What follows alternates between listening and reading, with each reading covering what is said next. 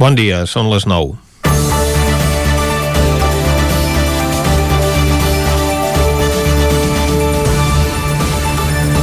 Continua l'estira i arronsa entre el govern espanyol i el madrileny per la gestió de la Covid. Ahir el conseller de Sanitat de Madrid demanava a Pedro Sánchez que imposés el toc de queda de 12 de la nit a 6 del matí per frenar aquesta segona onada de contagis que és especialment cruenta a la capital de l'Estat. Però, és clar no ho demanava només pels madrilenys, sinó que la mesura s'havia d'estendre a tot el territori espanyol perquè si ells tenen un problema, el problema el tenen tots. Ja ho va dir Isabel Díaz Ayuso que Madrid és Espanya i Espanya és Madrid i aquí s'acaba tot. Mentrestant, però, el desgavell sanitari a Madrid no té aturador. En poques hores de diferència dimitien els responsables d'atenció primària i la de gerència assistencial dels hospitals de la comunitat. Des del mes de maig ja han dimitit a Madrid set càrrecs relacionats amb la pandèmia. Entre ells, el conseller de Polítiques Socials o la directora general de Salut Pública. El portaveu del grup de coordinació de la Covid-19 a Madrid va durar només dos dies en el càrrec, creat després de la trobada entre Isabel Díaz Ayuso i Pedro Sánchez, fart de les baralles polítiques entre socialistes i populars. I encara es permeten anar donant lliçons. El govern de l'Estat no descarta l'aplicació del toc de queda a partir de dissabte, que és quan cessa l'estat d'alarma que va declarar a Madrid. Però Pedro Sánchez diu que espera que la seva presidenta li ho demani de forma oficial perquè així assumeixi el desgast de la decisió. Mentrestant es discuteixen, la gent continua emmalaltint. A Navarra la situació és tan crítica que el govern autonòmic ha decretat el tancament perimetral de tota la comunitat a partir de demà. Només es podrà entrar i sortir amb causa justificada perquè la incidència de casos triplica la del conjunt de l'Estat, tot i que la seva capacitat hospitalària encara té marge de maniobra. El govern navarrès ha pres la decisió amb valentia i sense cap mena d'objecció. Potser perquè la seva presidenta és socialista, no com l'independentista Quim Torra, al qual se li negava la possibilitat d'aplicar aquesta mesura a Catalunya perquè el virus no en tenia de fronteres, segons l'estadista Pedro Sánchez. Mentrestant, a Catalunya, amb els bars tancats, no com a Madrid, el risc de rebrot és ara mateix el més alt des de l'inici de la pandèmia amb les unitats de cures intensives dels hospitals vorejant el 80% d'ocupació. De cara a la setmana vinent ja es planteja la possibilitat d'ajornar operacions no urgents per mantenir quiròfans a disposició, el govern no veuria malament un toc de queda que implicaria tornar a declarar l'estat d'alarma, segons el ministre Salvador Illa. D'aquesta manera s'emularien les decisions preses en altres països d'Europa on ara mateix Brussel·les és l'epicentre de la malaltia amb més de 1.800 casos declarats per cada 100.000 habitants. Deu ser que això del coronavirus també és cosa de capitals. Comencem Territori 17, a la sintonia del 9 FM, Ràdio Cardedeu, La Veu de Sant Joan, Ona Codinenca i el 9 TV. Territori 17, amb Vicenç Vigues i Jordi Sunyer.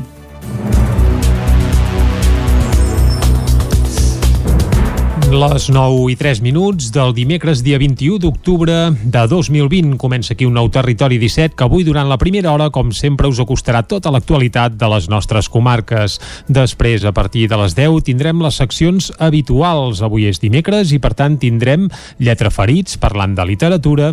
Tindrem també el territori sostenible. Avui coneixerem el Cigró d'Uristà. I per acabar al punt de les 12 farem un repàs a l'agenda cultural per aquest cap de setmana amb el permís, això sempre de les restriccions imposades per la Covid-19. Abans, però, i com fem habitualment, el que farem és arrencar tot fent un repàs a l'actualitat de les nostres comarques, les comarques del Ripollès, Osona, el Moianès i el Vallès Oriental.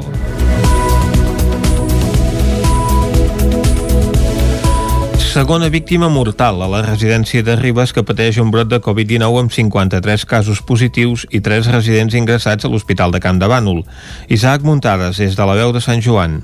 Aquest dimarts, la residència municipal de la gent gran de Ribes de Freser va registrar la segona víctima mortal, segons fons de la residència, arran del brot de Covid-19 que va esclatar el passat 13 d'octubre. Es tractaria d'una dona resident que presentava patologies prèvies i se sumaria a l'altra àvia que va morir a la residència el passat dissabte i que també patia altres malalties. La situació continua sent greu perquè actualment hi ha 53 casos positius relacionats amb aquest brot de coronavirus que es corresponen a 36 residents que presenten simptomatologia lleu o que són totalment asimptomàtics, 14 treballadors treballadors en quarantena que també tenen un quadre lleu o no tenen símptomes i tres residents que estan ingressats a l'Hospital de Camp de Bànol amb un pronòstic estable. Evidentment, el fet que el centre tingui entre 25 i 27 treballadors ha suposat que almenys la meitat de la plantilla estigui de baixa i per això ha calgut fer contractacions. Ho va explicar l'alcaldessa de Ribes de Freser, Mònica Sant Jaume. S'ha reforçat tot, s'ha reforçat la neteja, s'han suplert les baixes dels treballadors que han set positius i s'anirà treballant a mesura que vagin sortint més coses. A més, des de l'àrea bàsica de salut de Ribes de Freser Camp de Bànol s'han incorporat dues infermeres i un metge geriàtric de suport per augmentar els serveis que presta la residència. L'Ajuntament Ribetà també va insistir en la necessitat de fer un cribratge massiu al municipi en la reunió que van tenir totes les parts el passat diumenge veient la situació epidemiològica de la vila, però de moment des del Departament de Salut van contestar que no estava previst i ho han d'acabar d'estudiar. Tot i que el risc de rebrot del municipi segueix sent molt alt, ha experimentat un descens respecte al dilluns en gairebé 3.000 punts i ara se situa en 6.352,83 punts amb 46 casos positius detectats en els darrers 14 dies, dels quals 42 s'han detectat l'última setmana. La taxa de reproducció de l'epidèmia se situa en 2,48 punts, encara força superior a l'1, però lluny dels 3,52 punts del dilluns.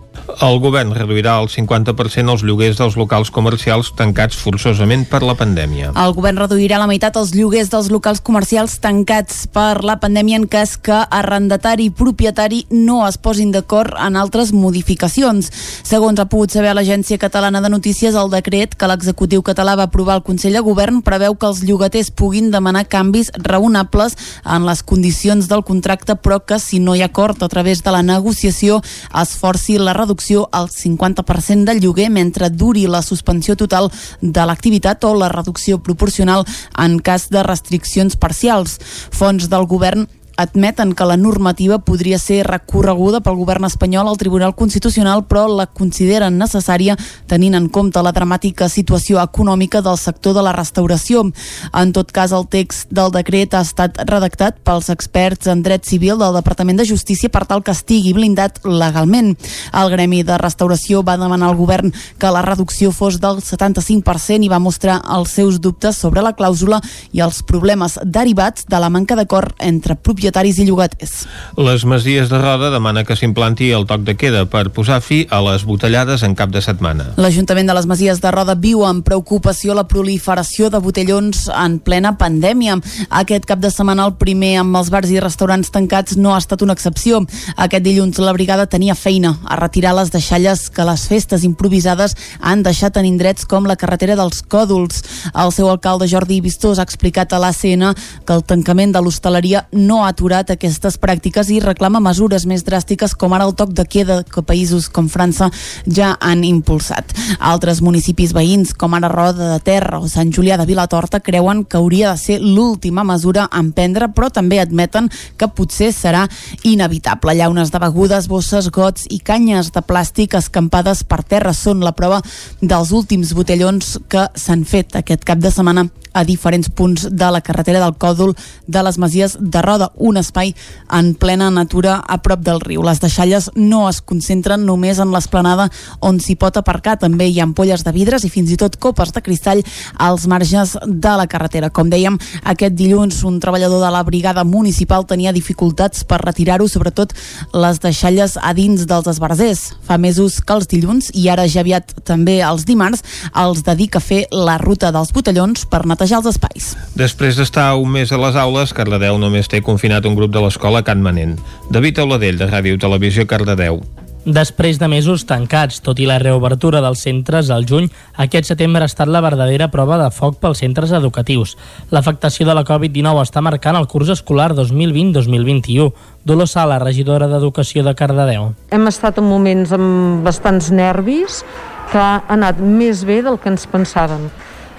També és veritat que els centres duien preparant-ho més d'un mes, tot el juliol i tota la part de setembre i per tant ha anat realment el primer dia va estar tothom una mica a l'expectativa però dir-vos que a partir del segon dia tot ja va anar molt bé a Catalunya hi ha 1.784 grups confinats a hores d'ara en un total de 1.049 centres. Per tant, en el 80% de les escoles no hi ha cap grup confinat.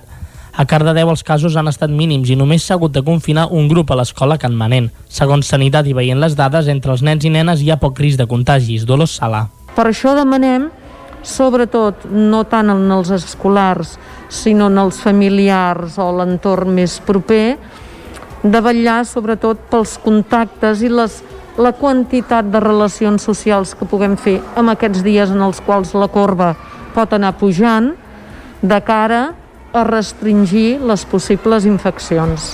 Les escoles i instituts van rebent material a compte gotes encara per part del departament. És per això que per part de l'Ajuntament, organisme més pròxim, han anat facilitant els estris necessaris, no només per la tornada a l'escola, sinó per si es donés el cas d'un grup confinat que hagués de continuar treballant des de casa. Per optimitzar els recursos sanitaris i evitar col·lapses amb la pandèmia, s'ha reordenat l'assistència sanitària d'Osona pel que fa a les urgències. Abans de la crisi sanitària, totes les urgències en nits i caps de setmana i festius s'atenien a l'Hospital Universitari de Vic, tant si es tractava de situacions greus com lleus. Ara l'Hospital Universitari de Vic només atén urgències greus i emergències de tota la comarca. Ho fa cada dia a les 24 hores. Per les urgències lleus, en horari diurn de dilluns i divendres, cal anar al centre d'atenció primària propi de cada usuari. Els dissabtes, diumenges i festius, de les 8 del matí a les 8 del vespre, s'atenen urgències lleus als caps de Manlleu, Tona, Torelló i al CAP Osona, a Vic. En horari nocturn, en casos lleus, sempre cal acudir al CAP Osona, el centre situat a la plaça Divina Pastora de Vic. Vigues i Riell suspèn les activitats dels centres cívics durant 15 dies després d'haver reobert els espais fa poc més d'una setmana. Caral Campàs, des d'Ona Corinenca. L'Ajuntament de Vigues i Riells aplica les noves restriccions que afecten les activitats comunitàries i els establiments 24 hores. Se suspenen algunes de les activitats cíviques i comunitàries grupals que impliquin presencialitat. S'exceptuen els programes i activitats d'intervenció socioeducativa, lleure educatiu i d'educació d'infants, adolescents i programes de suport juvenil. Arran d'això, s'han aturat diverses activitats que s'estaven realitzant al Centre Cívic de Vigues i al de Riells. Els equipaments no tanquen, però s'aturen algunes activitats comunitàries comunitàries grupals. Ho detalla l'alcalde de Vigues, Joan Galiano. El que s'atura és l'activitat eh, que es fan dintre del centre cívic, aquelles que són activitats culturals o, o de tallers, que en un moment donat eh, no garantitzen que hi hagi tota la seguretat més que res per al tipus d'usuari, que sobretot és la gent gran. No totes aquelles activitats que en un moment donat eh, puguin ser pues, de, de, de, de que tinguin una vessant més de pedagògica, eh? d'escoles, extraescolars uh -huh. i tot això, no, eh? Només uh -huh. afectaria el que serien aquest tipus de tallers. I en el cas de Vigues i Riells, afecta principalment els tallers de manualitats, els de, els de, els de pintura, i algun taller físic, ja sigui de gimnàstica o ja sigui de, de yoga o ja sigui de, de, de pilote. A Vigues i Riells, per tant, en compliment al decret de la Generalitat, queden suspesos els cursos, tallers i formacions presencials que tenien lloc als centres cívics fins al 31 d'octubre. Per altra banda, també s'ha suspès la reobertura del nou Espai Jove a la Cova, que està tancat des del 28 de setembre. El conseller de Treball, Afers Socials i Famílies, Shakir Al-Homrani, havia d'inaugurar el nou espai el pròxim 29 d'octubre d'octubre. Tot i això, aquest nou espai que s'ha traslladat al Parc de Can Badell haurà d'esperar per tornar-se a posar en funcionament. Ferran Albric va encetar dissabte el desè cicle de grans concerts a l'Atlàntida.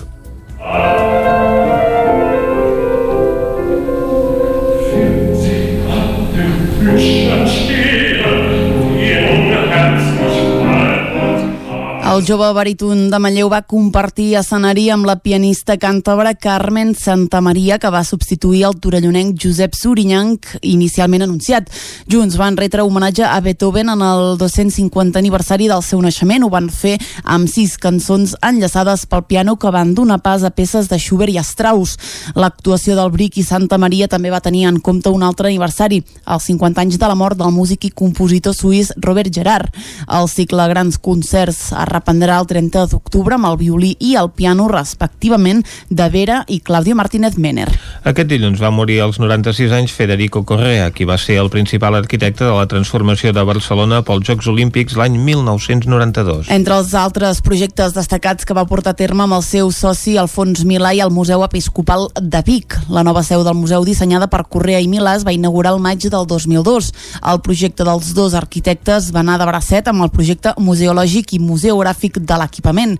Van concebre un edifici amb poques obertures a l'exterior per donar resposta als criteris tècnics de conservació preventiva de les obres, especialment pel que fa a la temperatura, la humitat i el control lumínic. Una altra característica singular del museu és l'obertura del vestíbul que permet veure l'exterior, però com si fos una vitrina al campanar de la catedral de Vic. A través de les xarxes des del Museu Episcopal de Vic van mostrar les seves condolències per la mort de Correa.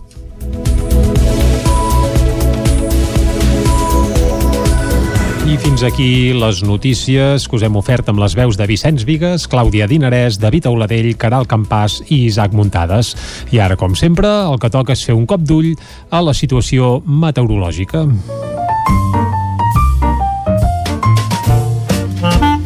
Casa Terradellos us ofereix el temps. I a Territori 17, quan parlem del temps, parlem amb el Pep Acosta, a qui saludem de seguida per saber si plourà avui o no. De moment tapadot ho està, però ja ens va avisar ahir que d'aigua en venia poca. Ho descobrirem de seguida. Pep, bon dia. Hola, bon dia, amics oients, col·laboradors del programa, què tal esteu? Bé, Com bé. va avançant aquesta setmana? Bé, bé. Sense cap mena de dubtes, perquè fa el temps, aquesta nit, Mhm. el més destacat ha estat el vent que ha bufat a alta muntanya. A tot el Pirineu s'han superat en molts casos els 100 km per hora, un, vent, un vent autènticament huracanat, déu nhi sí. uh, molt, molt important, sobretot més encara a la part occidental, eh? cap a Vall d'Aranyos a les pròximes, ha superat i anat molt als 100 km per hora, 150, 130 km per hora, cops realment molt forts, aquest vent de sud, que això ha sigut el més destacat d'aquesta nit. També cap a Ripollès, zona de Vida Ter, eh, s'ha arribat als 100 km per hora, unes ventades molt, molt fortes. I també ens està passant un petit front, molt poca cosa, i que de seguida direm quines repercussions que pot tenir. Mm -hmm. Però de moment anem per les temperatures, nit suau, entre 10 i 15 graus a la majoria de pobles i ciutats, i unes temperatures també eh, molt uniformes. Mm, A molts, com deia, a molts pobles i ciutats, entre els 10 i els 15 graus. No hi ha aquelles diferències de temperatura, eh, de vegades a la plana de Vic que estem a 0 graus o 5 graus, al peritoral superem els 10. No, no. Són unes temperatures molt uniformes que a més culpa, culpa la culpabilitat és aquests vents de sud, eh? com deia, la majoria de temperatures entre els 10 i els 15 graus, res a veure amb les temperatures que teníem fa una setmana que eren força més baixes, molt més baixes, diria jo. Eh, ha canviat totalment el panorama meteorològic aquests dies. Aquest matí, com deia, passarà un petit front. Està passant i provocarà més que res núvols. De precipitacions ben poques, si arriben a caure eh, un litre com a molt, poder dos litres, realment molt, molt poca cosa. Uh, on plou molt és més cap a l'oest de, de Catalunya, o sigui que cap a Pirineu i Lletà plou més, i on sobretot ha plogut és cap a l'oest de la península, Portugal, Andalusia, allà sí que les precipitacions han sigut molt, molt importants degut a aquesta enorme pertorbació molt gran que hi ha a l'oest de la península Atlàntic que, que ja s'està desplaçant cap a les illes britàniques però que ha sigut molt, molt, molt important els efectes que ha tingut cap a l'oest, com deia, de la península ibèrica. Aquí no, aquí no ens ha afectat de ple, només el vent, el vent sí que, que ha portat aquest vent tan tan important, però que mica en mica ja va afluixant també el vent. Mm. I de mica en mica n'hi han desapareixent els núvols, mm, a la tarda hi haurà més sol, més clarianes, tot i que no serà un dia del tot assolellat, encara continuaran algunes nuvolades, sí que no serà un dia tan tapat, eh, tants, núvols, tants núvols baixos com tenim aquest matí. Les temperatures a la tarda també molt semblants a les d'ahir, les màximes la majoria entre els 18 i els 22, 23 graus. I també molta uniformitat de temperatures.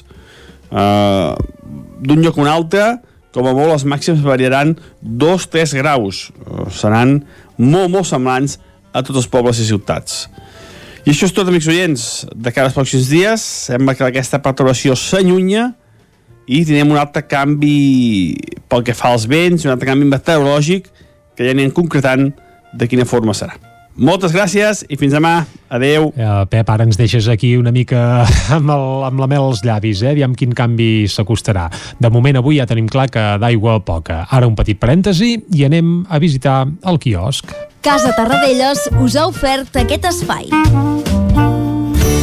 Territori 17. Envia'ns les teves notes de veu per WhatsApp al 646 079 023. 646 079 023. WhatsApp Territori 17.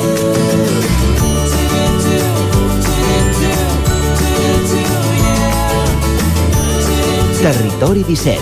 Som a Facebook, Twitter i Instagram amb l'usuari Territori 17.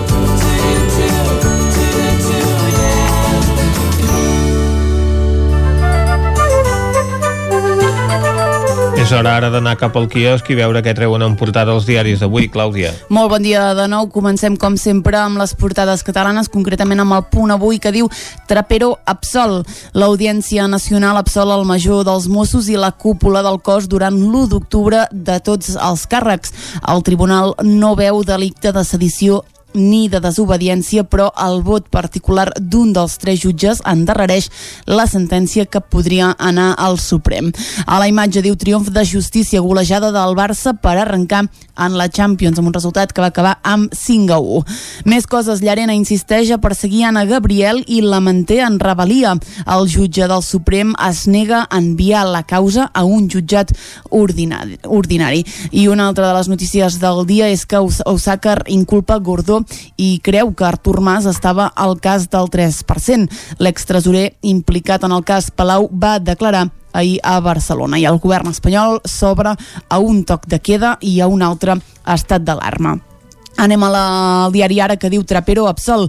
L'Audiència Nacional exculpa el major i la cúpula dels Mossos dels delictes de sedició i desobediència per l'1 d'octubre. Pel que fa a la pandèmia, diu la segona onada Covid s'accelera.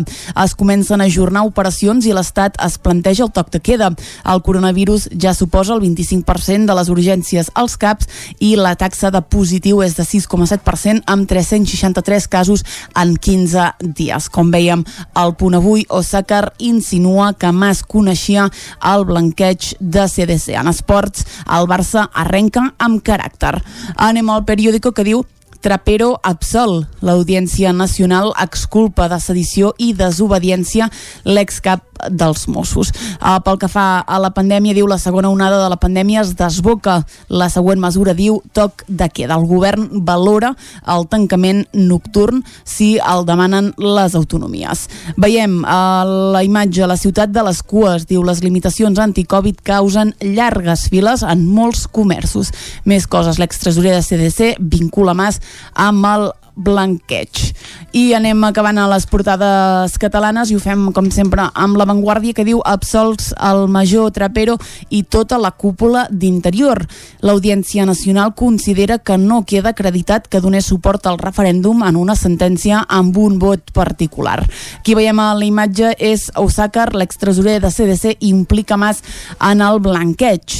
La rebaixa obligatòria de lloguer alleuja, diu, els negocis tancats, però enerva els propietaris. Sanitat saber el toc de queda si el Partit Popular dona suport a l'estat d'alarma i Vox presenta una moció de censura contra Sánchez que tensa el Partit Popular.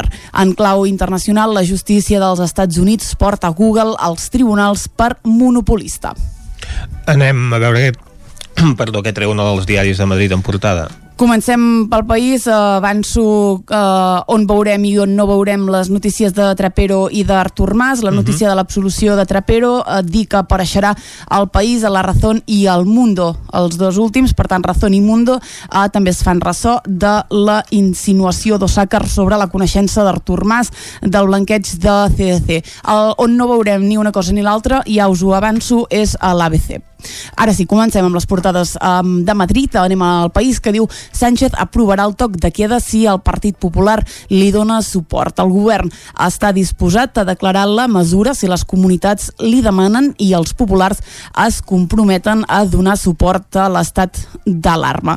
A la imatge diu la veu humana de Tilda Swinton i Pedro Almodóvar. Eh, estem parlant d'un mig metratge que avui mateix s'estrena a més d'un centenar de pantalles. En política, la moció de censura divideix la dreta i uneix el govern. El Partit Popular arriba al debat sense aclarar el sentit del seu vot davant de Vox. I l'audiència absol la Trapero al no veure ni sedició ni tampoc desobediència. I com veiem fa un moment, els Estats Units demanda a Google per abús monopolístic. Anem avançant, anem al Mundo que diu Abascal posa a prova Casado amb la seva censura a Pedro Sánchez. El govern estudia aplicar un toc de queda a tot Espanya. L'audiència absol al major dels Mossos Trapero de sedició a l'1 d'octubre amb un vot discrepant i la confessió de l'extresorer de CDC deixa a Mas al límit de la imputació. També parla d'Iglesias, diu maniobra d'Iglesias per imposar a Calviño el límit dels lloguers. A la raó, el toc de queda reanima la guerra Sánchez-Ayuso. Qui veiem a la imatge de la portada és el papa, diu conviden el papa a visitar a Espanya. Trapero absol per l'1 d'octubre i l'extresorer de CDC implica Artur Mas en el blanqueig de capitals.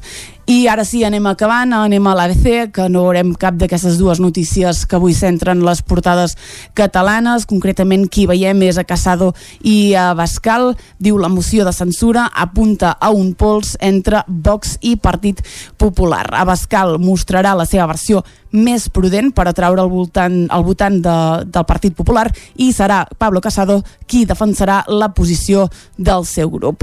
Una última notícia, el govern aval el toc de queda si Casado dona suport a l'estat d'alarma. Dubta entre aplicar el control de la mobilitat nocturna a tot Espanya o de forma puntual en alguna autonomia i exigeix a Madrid una posició clara. El que sí que veiem avui és que en les portades dels diaris del dia no es repeteix cap fotografia. Cadascú ha tirat per de temes diferents, una foto del Major Trapero a l'Ara, una del Barça, la golejada ahir del Barça Barça en aquest retorn a la competició sí, europea mm -hmm. al punt avui. Daniel Osaka ocupa la portada de l'avantguàrdia, l'extresorer de Convergència i el periòdico opta per cues a Barcelona com si només hi haguessin cues davant dels establiments a Barcelona.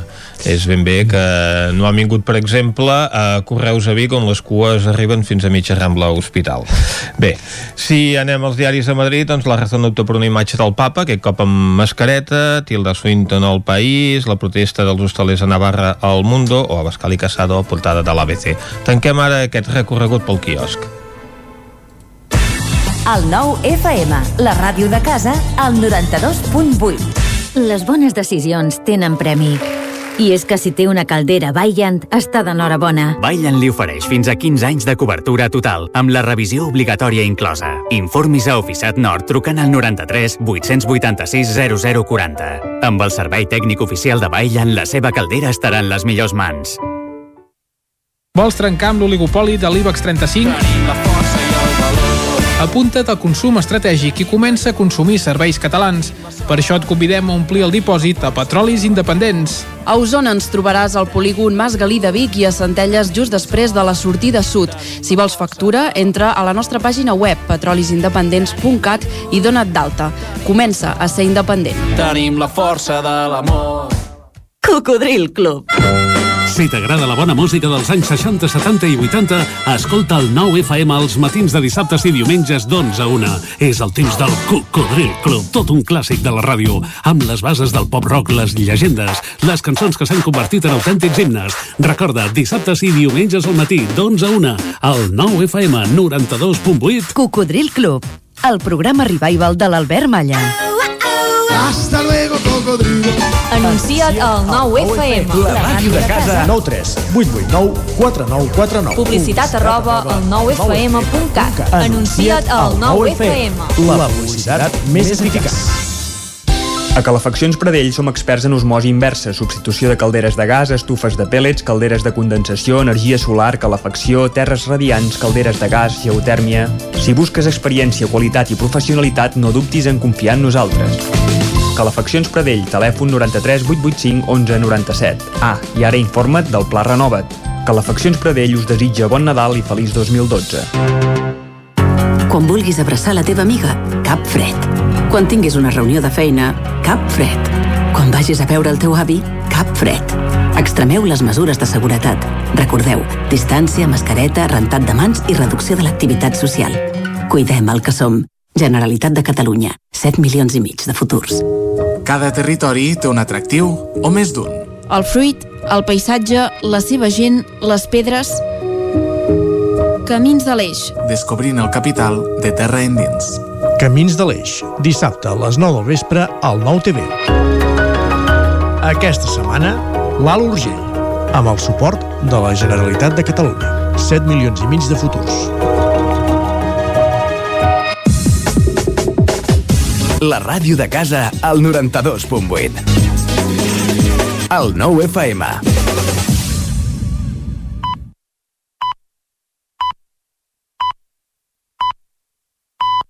Territori 17, amb Vicenç Vigues i Jordi Sunyer.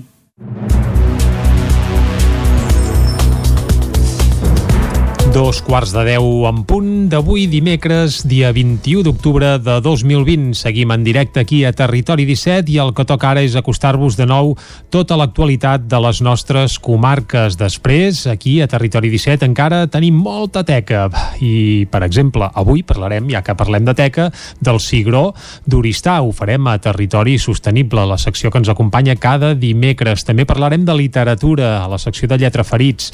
I per acabar, al punt de les les 12 del migdia el que farem és un repàs a l'agenda cultural d'aquest cap de setmana, una agenda marcada per la Covid-19, però vaja, encara amb força activitat, sobretot als teatres. Això ho repassarem a la part final d'un programa que ara el que ha de fer és acostar-vos de nou tota l'actualitat de les nostres comarques. Ja ho sabeu, les comarques del Ripollès, Osona, el Moianès i el Vallès Oriental.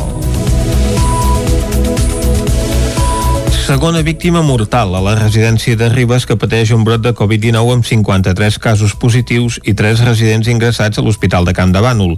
Isaac Muntades, des de la veu de Sant Joan. Aquest dimarts, la residència municipal de la gent gran de Ribes de Freser va registrar la segona víctima mortal, segons fons de la residència, arran del brot de Covid-19 que va esclatar el passat 13 d'octubre. Es tractaria d'una dona resident que presentava patologies prèvies i se sumaria a l'altra àvia que va morir a la residència el passat dissabte i que també patia altres malalties. La situació continua sent greu perquè actualment hi ha 53 casos positius relacionats amb aquest brot de coronavirus que es corresponen a 36 residents que presenten simptomatologia lleu o que són totalment asimptomàtics, 14 treballadors treballadors en quarantena que també tenen un quadre lleu o no tenen símptomes i tres residents que estan ingressats a l'Hospital de Can de Bànol amb un pronòstic estable. Evidentment, el fet que el centre tingui entre 25 i 27 treballadors ha suposat que almenys la meitat de la plantilla estigui de baixa i per això ha calgut fer contractacions. Ho va explicar l'alcaldessa de Ribes de Freser, Mònica Sant Jaume. S'ha reforçat tot, s'ha reforçat la neteja, s'han suplert les baixes dels treballadors que han set positius i s'anirà treballant a mesura que vagin sortint més coses. A més, des de l'àrea bàsica de salut de Ribes de Freser Camp de Bànol s'han incorporat dues dues infermeres i un metge geriàtric de suport per augmentar els serveis que presta la residència. L'Ajuntament Ribetà també va insistir en la necessitat de fer un cribratge massiu al municipi en la reunió que van tenir totes les parts el passat diumenge veient la situació epidemiològica de la vila, però de moment des del Departament de Salut van contestar que no estava previst i ho han d'acabar d'estudiar. Tot i que el risc de rebrot del municipi segueix sent molt alt, ha experimentat un descens respecte al dilluns en gairebé 3.000 punts i ara se situa en 6.352,83 punts amb 46 casos positius detectats en els darrers 14 dies, dels quals 42 s'han detectat l'última setmana. La taxa de reproducció de l'epidèmia se situa en 2,48 punts, encara força superior a l'1, però lluny dels 3,52 punts del dilluns. El govern reduirà el 50% els lloguers dels locals comercials tancats forçosament per la pandèmia. El govern reduirà la meitat els lloguers dels locals comercials tancats per la pandèmia en cas que arrendatari i propietari no es posin d'acord en altres modificacions. Segons ha pogut saber l'Agència Catalana de Notícies, el decret que l'executiu català va aprovar el Consell de Govern preveu que els llogaters puguin demanar canvis raonables en les condicions del contracte, però que si no hi ha acord a través de la negociació es forci la reducció al 50% del lloguer mentre duri la suspensió total de l'activitat o la reducció proporcional en cas de restriccions parcials. Fons del govern admeten que la normativa podria ser recorreguda pel govern espanyol al Tribunal Constitucional, però la consideren necessària tenint en compte la dramàtica situació econòmica del sector de la restauració. En tot cas, el text del decret ha estat redactat pels experts en dret civil del Departament de Justícia per tal que estigui blindat legalment. El Gremi de Restauració va demanar al govern que la reducció fos del 75% i va mostrar els seus dubtes sobre la clàusula i els problemes derivats de la manca d'acord entre propietaris propietaris i llogaters. Les Masies de Roda demana que s'implanti el toc de queda per posar fi a les botellades en cap de setmana. L'Ajuntament de les Masies de Roda viu amb preocupació la proliferació de botellons en plena pandèmia. Aquest cap de setmana el primer amb els bars i restaurants tancats no ha estat una excepció. Aquest dilluns la brigada tenia feina a retirar les deixalles que les festes improvisades han deixat en indrets com la carretera dels Còdols. El seu alcalde Jordi Vistós ha explicat a l'ACN que el tancament de l'hostaleria no ha aturat aquestes pràctiques i reclama mesures més dràstiques com ara el toc de queda que països com França ja han impulsat.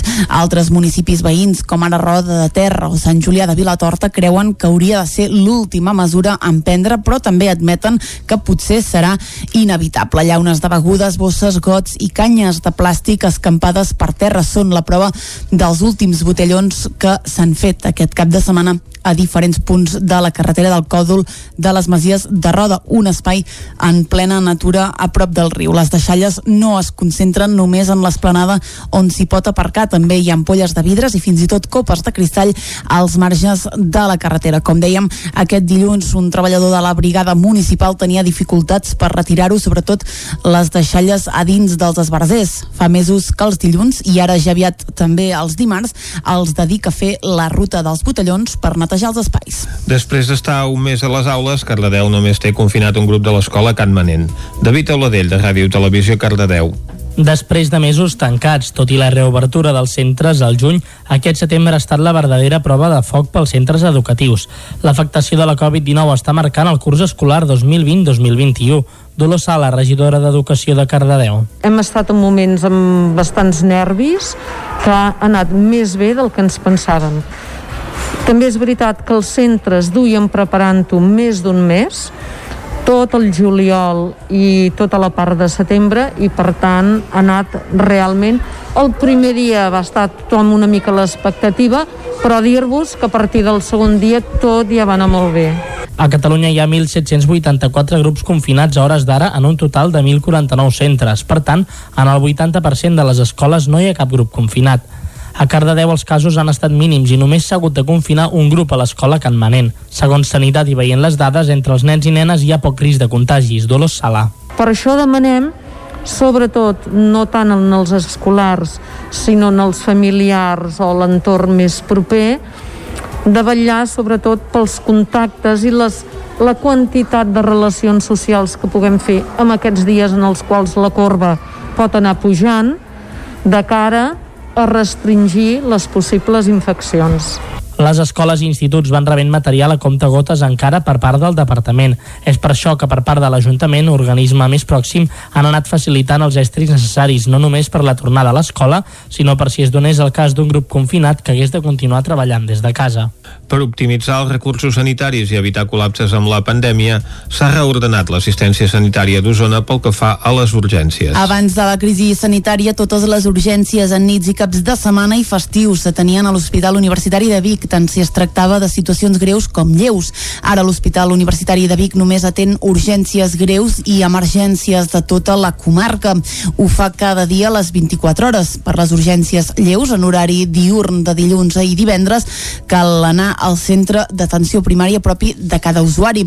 Els dissabtes, diumenges i festius, de les 8 del matí a les 8 del vespre, s'atenen urgències lleus als caps de Manlleu, Tona, Torelló i al CAP Osona, a Vic.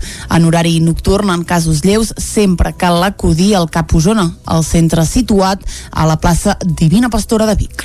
Vigues i Riells suspèn les activitats dels centres cívics durant 15 dies després d'haver reobert els espais fa poc més d'una setmana. Caral Campàs, des d'Ona Corinenca. L'Ajuntament de Vigues i Riells aplica les noves restriccions que afecten les activitats comunitàries i els establiments 24 hores. Se suspenen algunes de les activitats cíviques i comunitàries grupals que impliquin presencialitat. S'exceptuen els programes i activitats d'intervenció socioeducativa, lleure educatiu i d'educació d'infants, adolescents i programes de suport juvenil. Arran d'això, s'han aturat diverses activitats que s'estaven realitzant al Centre Cívic de Vigues i al de Riells. Els equipaments no tanquen, però s'aturen algunes activitats comunitàries comunitàries grupals. Ho detalla l'alcalde de Vigues, Joan Galiano. El que s'atura és l'activitat eh, que es fan dintre del centre cívic, aquelles que són activitats culturals o, o de tallers, que en un moment donat eh, no garantitzen que hi hagi tota la seguretat més que res pel tipus d'usuari, que sobretot és la gent gran. No totes aquelles activitats que en un moment donat eh, puguin ser pues, de, de, de, de, que tinguin una vessant més de pedagògica, eh? d'escoles, de, extraescolars i tot això, no, eh? Només uh -huh. afectaria el que serien aquest tipus de tallers. I en el cas de Vigues i Riells afecta principalment els tallers de manualitats, els de, els de, els de pintura, i algun taller físic, ja sigui de gimnàstica o ja sigui de, de yoga o ja sigui de, de, de pilotes. A Vigues i Riells, per tant, en compliment al decret de la Generalitat, queden suspesos els cursos, tallers i formacions presencials que tenien lloc als centres cívics fins al 31 d'octubre. Per altra banda, també s'ha suspès la reobertura del nou Espai Jove a la Cova, que està tancat des del 28 de setembre. El conseller de Treball, Afers Socials i Famílies, Shakir Al-Homrani, havia d'inaugurar el nou espai el pròxim 29 d'octubre d'octubre. Tot i això, aquest nou espai que s'ha traslladat al Parc de Can Badell haurà d'esperar per tornar-se a posar en funcionament. Ferran Albric va encetar dissabte el desè cicle de grans concerts a l'Atlàntida.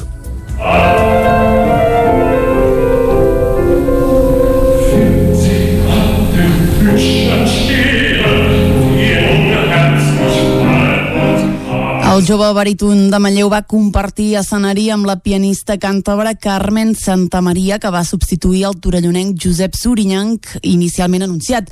Junts van retre homenatge a Beethoven en el 250 aniversari del seu naixement. Ho van fer amb sis cançons enllaçades pel piano que van donar pas a peces de Schubert i Strauss. L'actuació del Bric i Santa Maria també va tenir en compte un altre aniversari, els 50 anys de la mort del músic i compositor suís Robert Gerard. El cicle Grans Concerts ha reprendrà el 30 d'octubre amb el violí i el piano respectivament de Vera i Claudio Martínez Mener. Aquest dilluns va morir als 96 anys Federico Correa, qui va ser el principal arquitecte de la transformació de Barcelona pels Jocs Olímpics l'any 1992. Entre els altres projectes destacats que va portar a terme amb el seu soci Alfons Milà i el Museu Episcopal de Vic. La nova seu del museu dissenyada per Correa i Milà es va inaugurar el maig del 2002. El projecte dels dos arquitectes va anar de bracet amb el projecte museològic i museogràfic de l'equipament. Van concebre un edifici amb poques obertures a l'exterior per donar resposta als criteris tècnics de conservació preventiva de les obres, especialment pel que fa a la temperatura, la humitat i el control lumínic. Una altra característica singular del museu és l'obertura del vestíbul que permet veure l'exterior, però com si fos una vitrina al campanar de la catedral de Vic. A través de les xarxes des del Museu Episcopal de Vic van mostrar les seves condolències per la mort de Correa. I fins aquí les notícies que us hem ofert amb les veus de Vicenç Vigues, Clàudia Dinarès, David Auladell, Caral Campàs i Isaac Muntades. I ara, com sempre, el que toca és fer un cop d'ull a la situació meteorològica.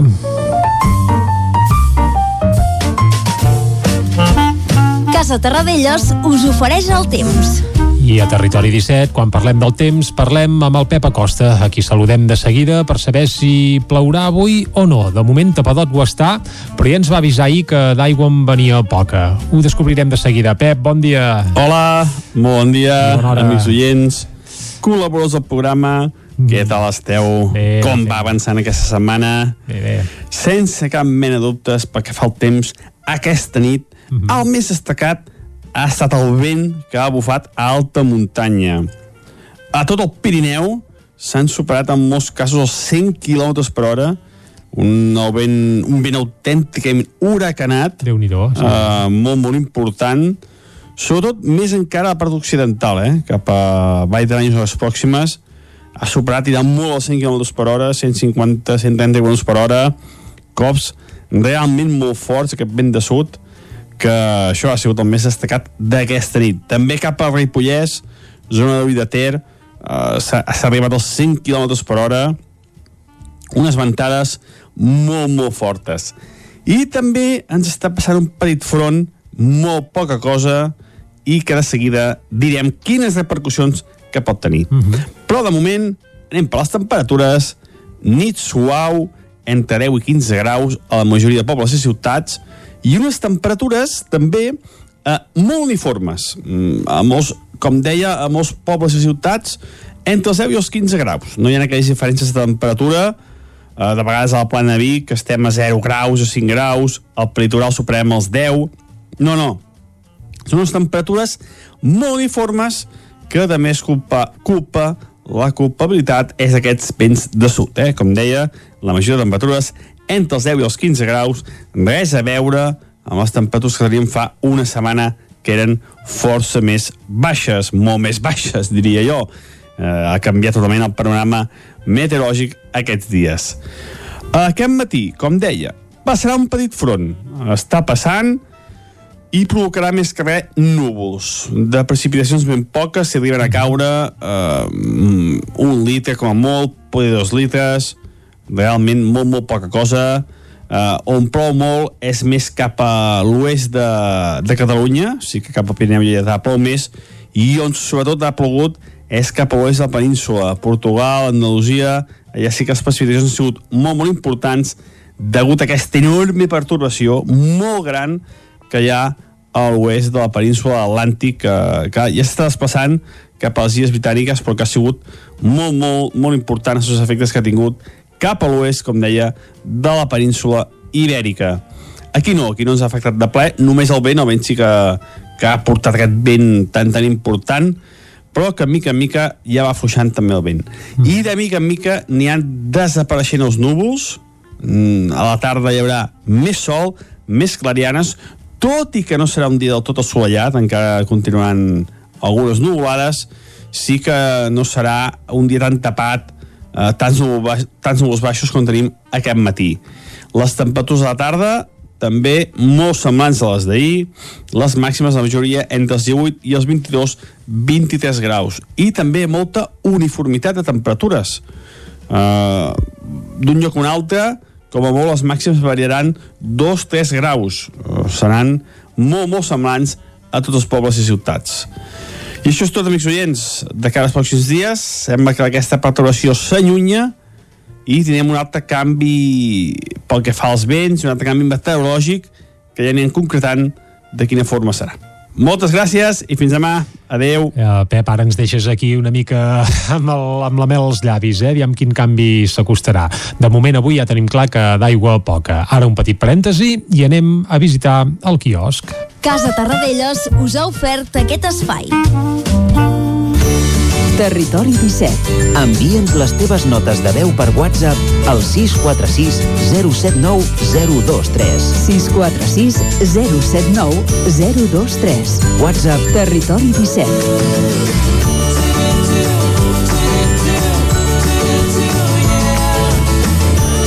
Territori 17. Som a Facebook, Twitter i Instagram amb l'usuari Territori 17.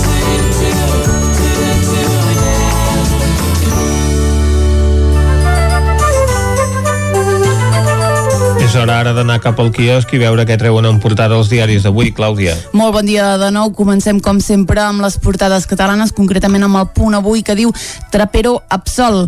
L'Audiència Nacional absol el major dels Mossos i la cúpula del cos durant l'1 d'octubre de tots els càrrecs.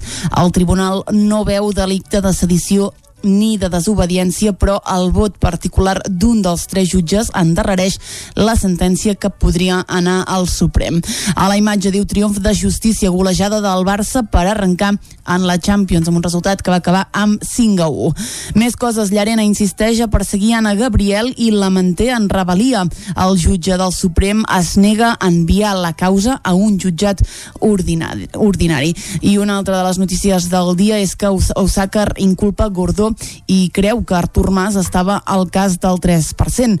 L'extresorer implicat en el cas Palau va declarar ahir a Barcelona i el govern espanyol s'obre a un toc de queda i a un altre estat d'alarma. Anem a la, al diari Ara que diu Trapero absol. L'Audiència Nacional exculpa el major i la cúpula dels Mossos dels delictes de sedició i desobediència per l'1 d'octubre. Pel que fa a la pandèmia, diu la segona onada Covid s'accelera. Es comencen a ajornar operacions i l'Estat es planteja el toc de queda.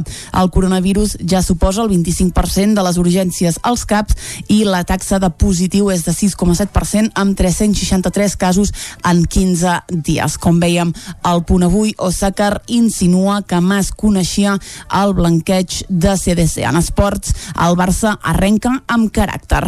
Anem al periòdico que diu Trapero absol. L'Audiència Nacional exculpa de sedició i desobediència l'excap dels Mossos.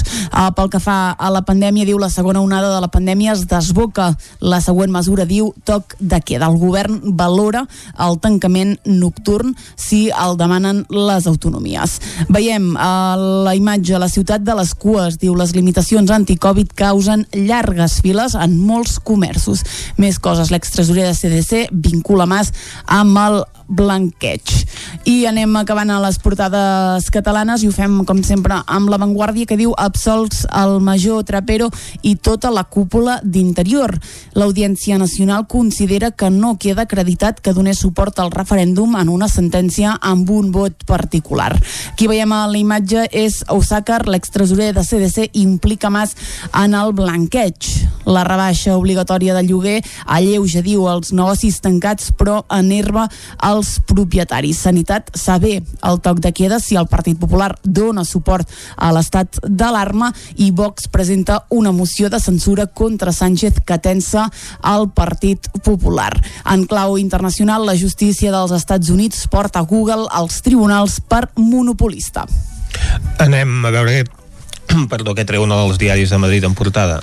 Comencem pel país, eh, avanço eh, on veurem i on no veurem les notícies de Trapero i d'Artur Mas. La notícia uh -huh. de l'absolució de Trapero eh, dir que apareixerà al País, a la Razón i al Mundo, els dos últims, per tant Razón i Mundo eh, també es fan ressò de la insinuació d'Osàcar sobre la coneixença d'Artur Mas del blanqueig de CDC. El, on no veurem ni una cosa ni l'altra, ja us ho avanço, és a l'ABC.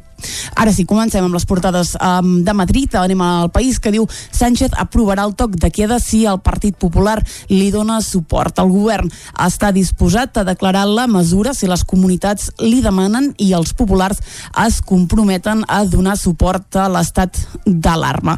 A la imatge diu la veu humana de Tilda Swinton i Pedro Almodóvar. Eh, estem parlant d'un mig metratge que avui mateix s'estrena a més d'un centenar de pantalles. En política, la moció de censura divideix la dreta i uneix el govern. El Partit Popular arriba al debat sense aclarar el sentit del seu vot davant de Vox. I l'audiència absol la Trapero al no veure ni sedició ni tampoc desobediència. I com veiem fa un moment, als Estats Units demanda a Google per abús monopolístic.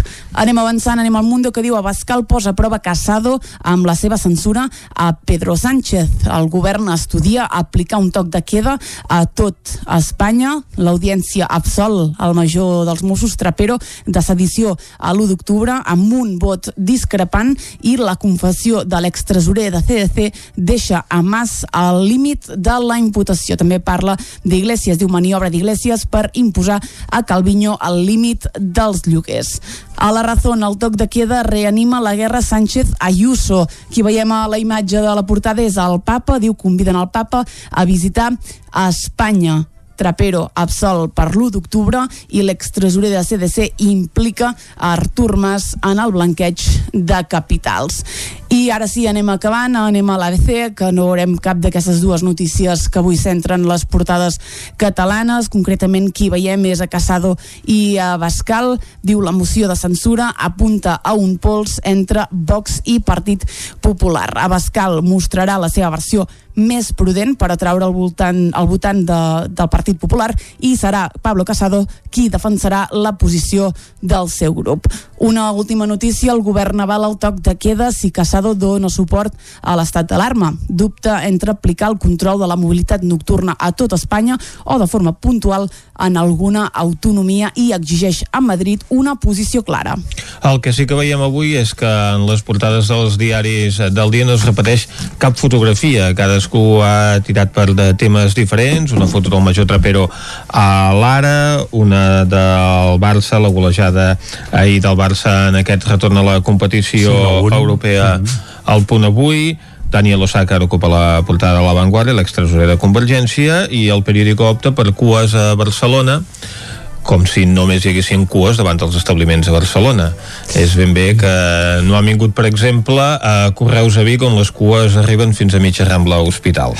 Bé, si anem als diaris a Madrid, doncs la Razón opta per una imatge del papa, aquest cop amb mascareta, Tilda Swinton al País, la protesta dels hostalers a Navarra al Mundo, o a i Casado, portada de l'ABC. Tanquem ara aquest recorregut pel quiosc.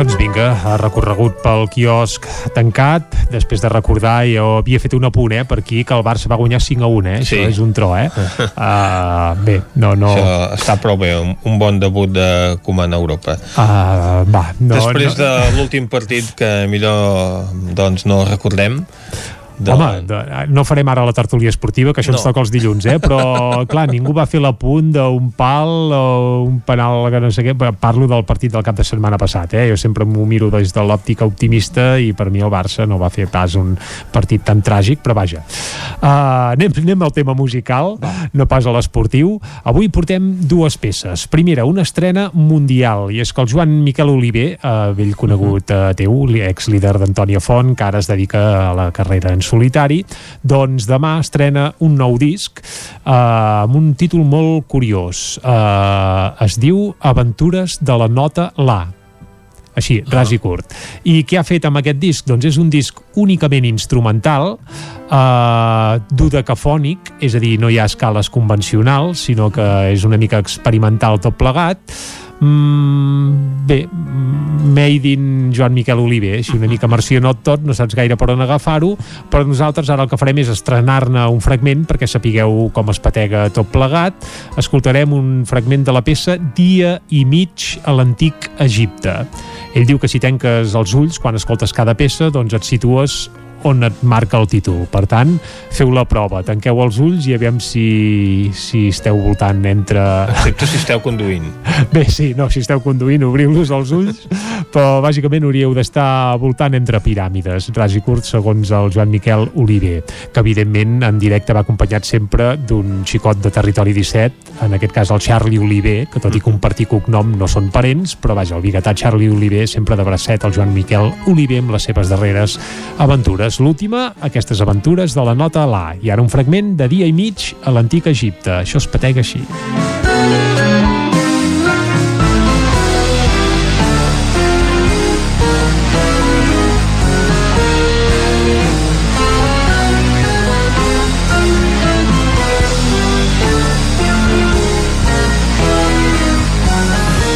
Ja, ja entenc, entenc que costa, costa una mica, eh? Jo no en veig de cap pair. de piràmide ara mateix. No, val, és que el fragment l'hem fet petitet, però és també perquè, ostres, a vegades la música instrumental i més eh, aquest nou invent del Joan Miquel Oliver cal reconèixer que costa d'engolir.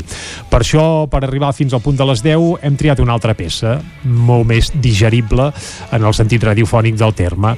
I és que ahir va fer 30 anys que va morir el Gato Pérez, que vindria a ser una mica el pare de la rumba catalana, I tant i per celebrar-ho o commemorar-ho més que celebrar-ho el que farem és repescar una versió molt entranyable del Gato Pérez. La van fer els, els lluçanesos Nyandú, actualment aturats indefinidament, que van versionar la cançó Barca, Cielo i Ola darrere Barca, Cielo i Ola hi havia, evidentment, Barcelona, eh?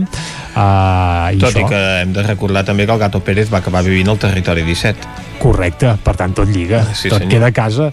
doncs va, eh, recordant això, que ahir va fer 30 anys que ens va deixar el Gato Pérez, arribarem fins al punt de les 10, escoltant els Nyandú, cantant i adaptant una peça del rumbero Gato Pérez, la barca Cielo i Ola. Fins això, fins això l'escoltem fins a les 10, va, vinga.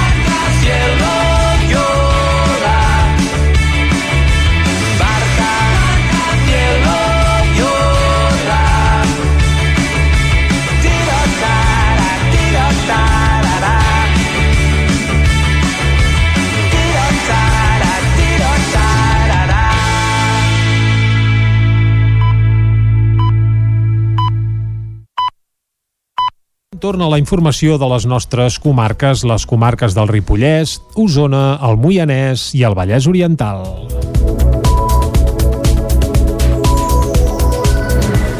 L'accident d'un camió que va volcar ahir a primera hora a l'eix transversal en terme de Gurb va provocar afectacions a la via durant tot el matí. L'accident va passar a les 9. Un camió va volcar al quilòmetre 183 de la carretera quan circulava en direcció Lleida.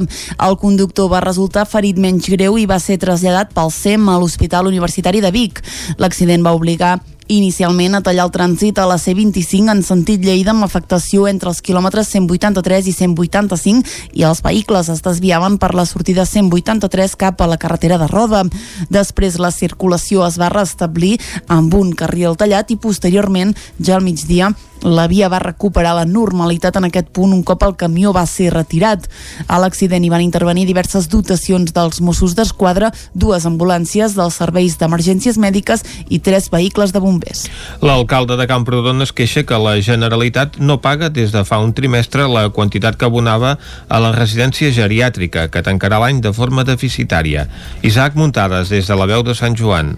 La residència geriàtrica municipal L'Hospital de Camprodon viu una situació econòmica complicada. El fet que el centre de dia estigui tancat des del passat 12 de març a causa del confinament i no s'hagi reobert, primer per imposició de la Generalitat i més tard per una decisió basada en la prudència de l'Ajuntament i el geriàtric, farà que la residència tanqui l'any de manera deficitària. L'alcalde Xavier Guitar va dir que la Generalitat no ha complert amb les seves obligacions de pagament i això ha estat clau per aquest desenllaç. La Generalitat ella es va comprometre a mantenir les aportacions que estava fent fins ara, però si haig de dir que fins ara es pagava regularment aquestes aportacions, haig de dir que ara no, no s'estan pagant al dia. Parlem d'aquests últims, sembla, ara que em mullo una mica, eh, jo diria que els últims 3-4 mesos. Per dir una cosa, estem passant a números rodons, eh, i a 1.000 euros i tenim 12 places d'hospital de dia més aquestes 6 o 7 que tenim del geriàtric que no tenim cobertes, doncs clar, fent números clars i ràpid i això ja suposa uns 20.000 euros eh, mensuals. Deixem ni per part de la Generalitat ni per part dels usuaris. Cal recordar que el centre de dia compta amb 12 places i la residència amb una seixantena. Abans de la pandèmia estaven totes ocupades, però ara les del centre de dia estan buides i al geriàtric hi ha una desena de places vacants. Això es deu al fet que hi ha hagut 3 o 4 defuncions des del març i que estan obligats a tenir 3 places disponibles per fer aïllaments en el cas que es produís un brot de Covid-19. El problema rau en què la infraestructura, el personal i els serveis segueixen sent els mateixos, però els costos també. Per altra part, el procés per incorporar un nou resident al geriàtric és lent, perquè tarda entre un i dos mesos, ja que la Generalitat ha de donar el vistiplau i l'AVI ha de passar uns protocols, però per sort ara s'estan agilitzant els tràmits. Guitar va dir que sortosament aquest 2020 ja està cobert i es podrà salvar, però que hauran de buscar solucions de cara a l'any vinent, com reobrir el centre de dia o obtenir aportacions. L'objectiu prioritari és no baixar el nivell i la qualitat del geriàtric perquè és un servei essencial.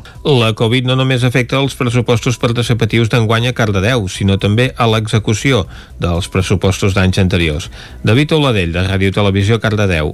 Els pressupostos participatius d'aquest any a Cardedeu es van posposar fa uns mesos a l'any vinent perquè amb l'estat d'alarma i la nova normalitat no era viable fer les trobades presencials per compartir opinions i valorar debatre projectes. Els anteriors també s'han vist afectats, però per la pandèmia, però en gran manera s'han endarrerit per la poca concreció dels projectes. Hugo Luquetti, regidor de Participació Ciutadana. retard en l'execució de les propostes de l'edició anterior dels pressupostos participatius en part tenen a veure amb la Covid perquè sí que és veritat que la Covid ens ha travessat a, a, de tot, a, a tot l'Ajuntament i ens ha, ens ha parat la maquinària d'alguna manera però sobretot té a veure amb el que vam avaluar eh, de l'anterior edició val? i vam avaluar una cosa com a millora, eh? com a cosa que hem de tenir en compte per millorar que és que les propostes de la ciutadania van arribar d'una forma molt genèrica i poc definida en l'àmbit tècnic. Llavors això ens ha dificultat perquè hem, des de l'àmbit tècnic s'ha hagut de fer tot aquest treball d'aterrar i acabar de definir aquestes propostes que estan molt poc definides. Això ha generat que s'allarguin els processos i també hi ha hagut d'altres dificultats. Del projecte de la font lúdica, per exemple, es va retirar l'empresa i es va haver de tornar a començar el procés. De cara a l'any vinent demanaran que es defineixin millor els projectes en l'espai de deliberació ciutadana. Dels set projectes de l'edició anterior, només dos s'han executat, el punt de càrrega de cotxes elèctrics i les zones de vianants per a les cinc escoles de primària del municipi. Caldes de Montbui inicia un procés de participació ciutadana per redactar el Pla d'Acció Climàtica. En aquest document s'establiran les accions que es portaran a terme al municipi per frenar els efectes del canvi climàtic. Caral Campàs, des d'Ona Codinenca. A principis del 2020 el consistori va començar a dissenyar el Pla d'Acció Climàtica local, un procés que havia de comptar amb una part de participació ciutadana que s'ha hagut de retardar fins ara per la pandèmia. El projecte pretén elaborar una agenda de prioritats i accions a nivell local que són necessàries per frenar els efectes del canvi climàtic. En aquest sentit, Jordi Martín, regidor de Sostenibilitat i Ecologisme, ha recordat la importància d'aquest projecte i de la implicació ciutadana. Ja per acabar, si m'ho permeteu, eh, citaré els joves que avui en dia estan tirant endavant això a nivell internacional, que són el, el, els joves de Fridays for Future, amb capitanejats, diguéssim, per la Greta Thunberg, on ens diu cal actuar immediatament pel bé dels nostres fills, pel bé dels nostres nets, pel bé de la vida en aquest vell planeta. En coherència amb aquest pla, l'Ajuntament ha aprovat d'altres mesures ja implantades orientades a la lluita contra el canvi climàtic. Ho són la substitució de la majoria de lluminàries públiques de vapor de sodi per llums de LED o la progressiva substitució de la flota municipal per vehicles elèctrics. A més, Martín ha anunciat noves mesures aprovades recentment relacionades amb impostos. Recentment hem aprovat dues mesures molt en la mateixa línia, que són la retirada de la taxa de mínims en, en l'aplicació de, de les obres de plaques fotovoltaiques que es facin el, els ciutadans i les ciutadanes o les empreses i una, una nova modificació sobre l'ordenança de l'ICIO, de l'impost d'obres, en què eh, tots els habitatges que estiguin amb, una, amb unes certificacions per sobre de la mitjana tindran un descompte important sobre aquesta taxa. El procés participatiu començarà amb una sessió informativa que es durà a terme de manera virtual el pròxim dilluns, en la qual els responsables del Pla d'Acció explicaran com s'està treballant a Caldes per fer front a l'actual emergència climàtica. Des de llavors i fins al 27 de novembre s'obrirà el termini perquè la ciutadania enviï les seves propostes per completar el Pla Local d'Acció Climàtica. Aquest procés es durà a terme a través de la plataforma digital Decidim, on els calderins majors de 16 anys podran enviar les seves propostes després d'haver-se registrat. Posteriorment, el 16 de desembre, s'ha programat una sessió també virtual de deliberació i priorització de les propostes recollides per poder concloure el procés de participació al gener amb la sessió de retorn. Aleshores, només quedarà pendent l'aprovació del Pla d'Acció Climàtica al ple municipal. L'Ajuntament de Vic i la Universitat de Vic, Universitat Central de Catalunya, signen el conveni de la nova edició del projecte Creuant Mirades, que es porta a terme a totes les escoles de la ciutat. La finalitat dels programes que l'engloben és apropar els futurs mestres a una experiència més real. Creuant Mirades té com a objectiu reforçar la relació entre l'acadèmia i l'entorn professional en qüestions de competències i perfil professional dels i les futures mestres. A més, el projecte també els permet la immersió a la realitat escolar més enllà del període de pràctiques. Eduard Ramírez és el degà de la Facultat d'Educació, Traducció i Ciències Humanes de la Universitat de Vic tenim molt clar que si formem mestres i professors i professores de secundària necessitem que l'entorn professional ens hi ajudi.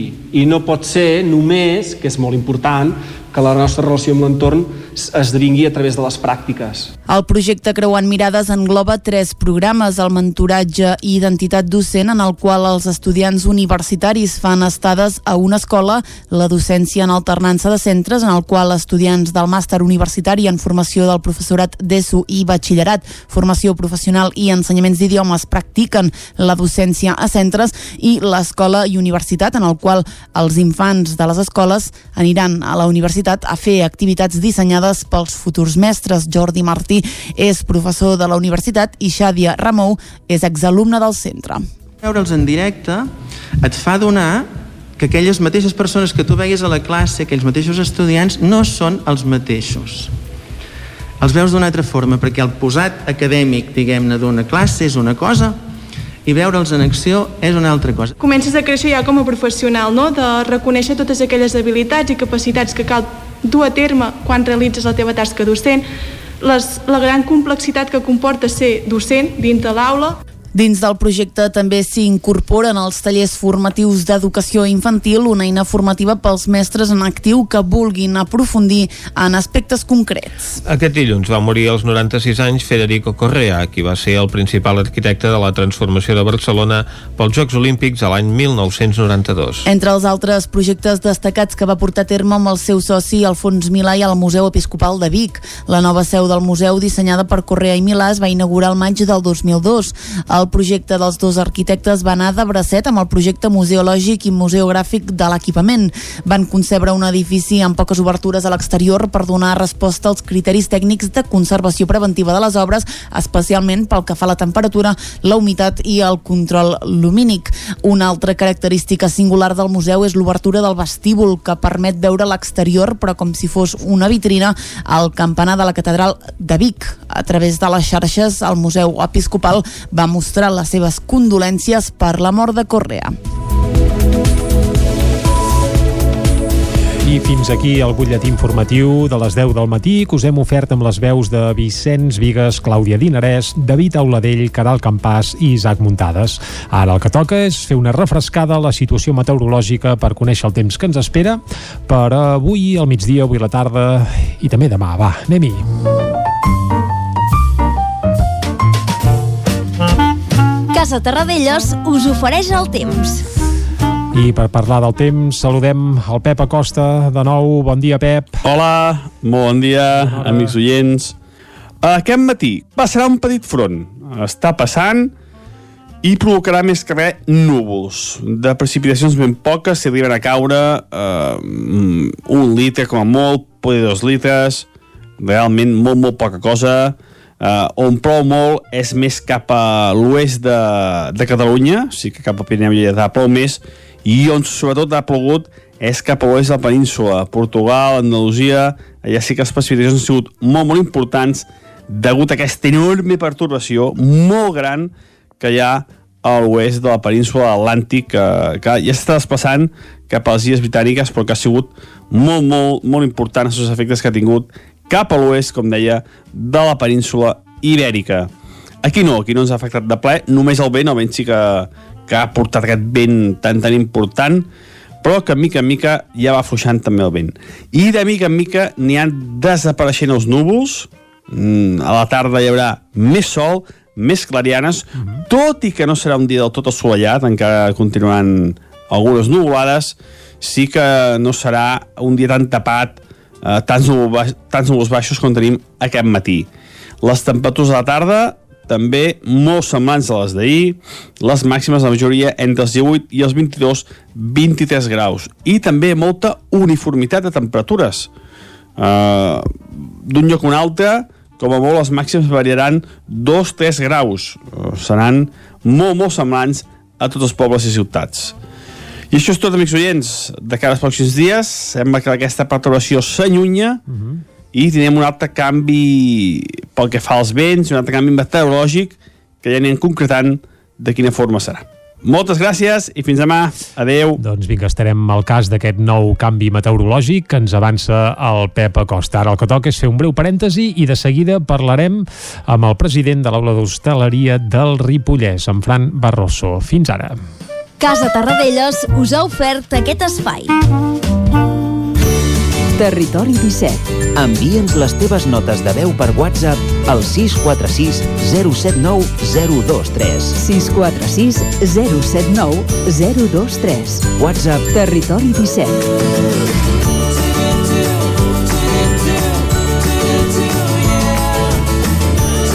Territori 17. Som a Facebook, Twitter i Instagram amb l'usuari Territori 17.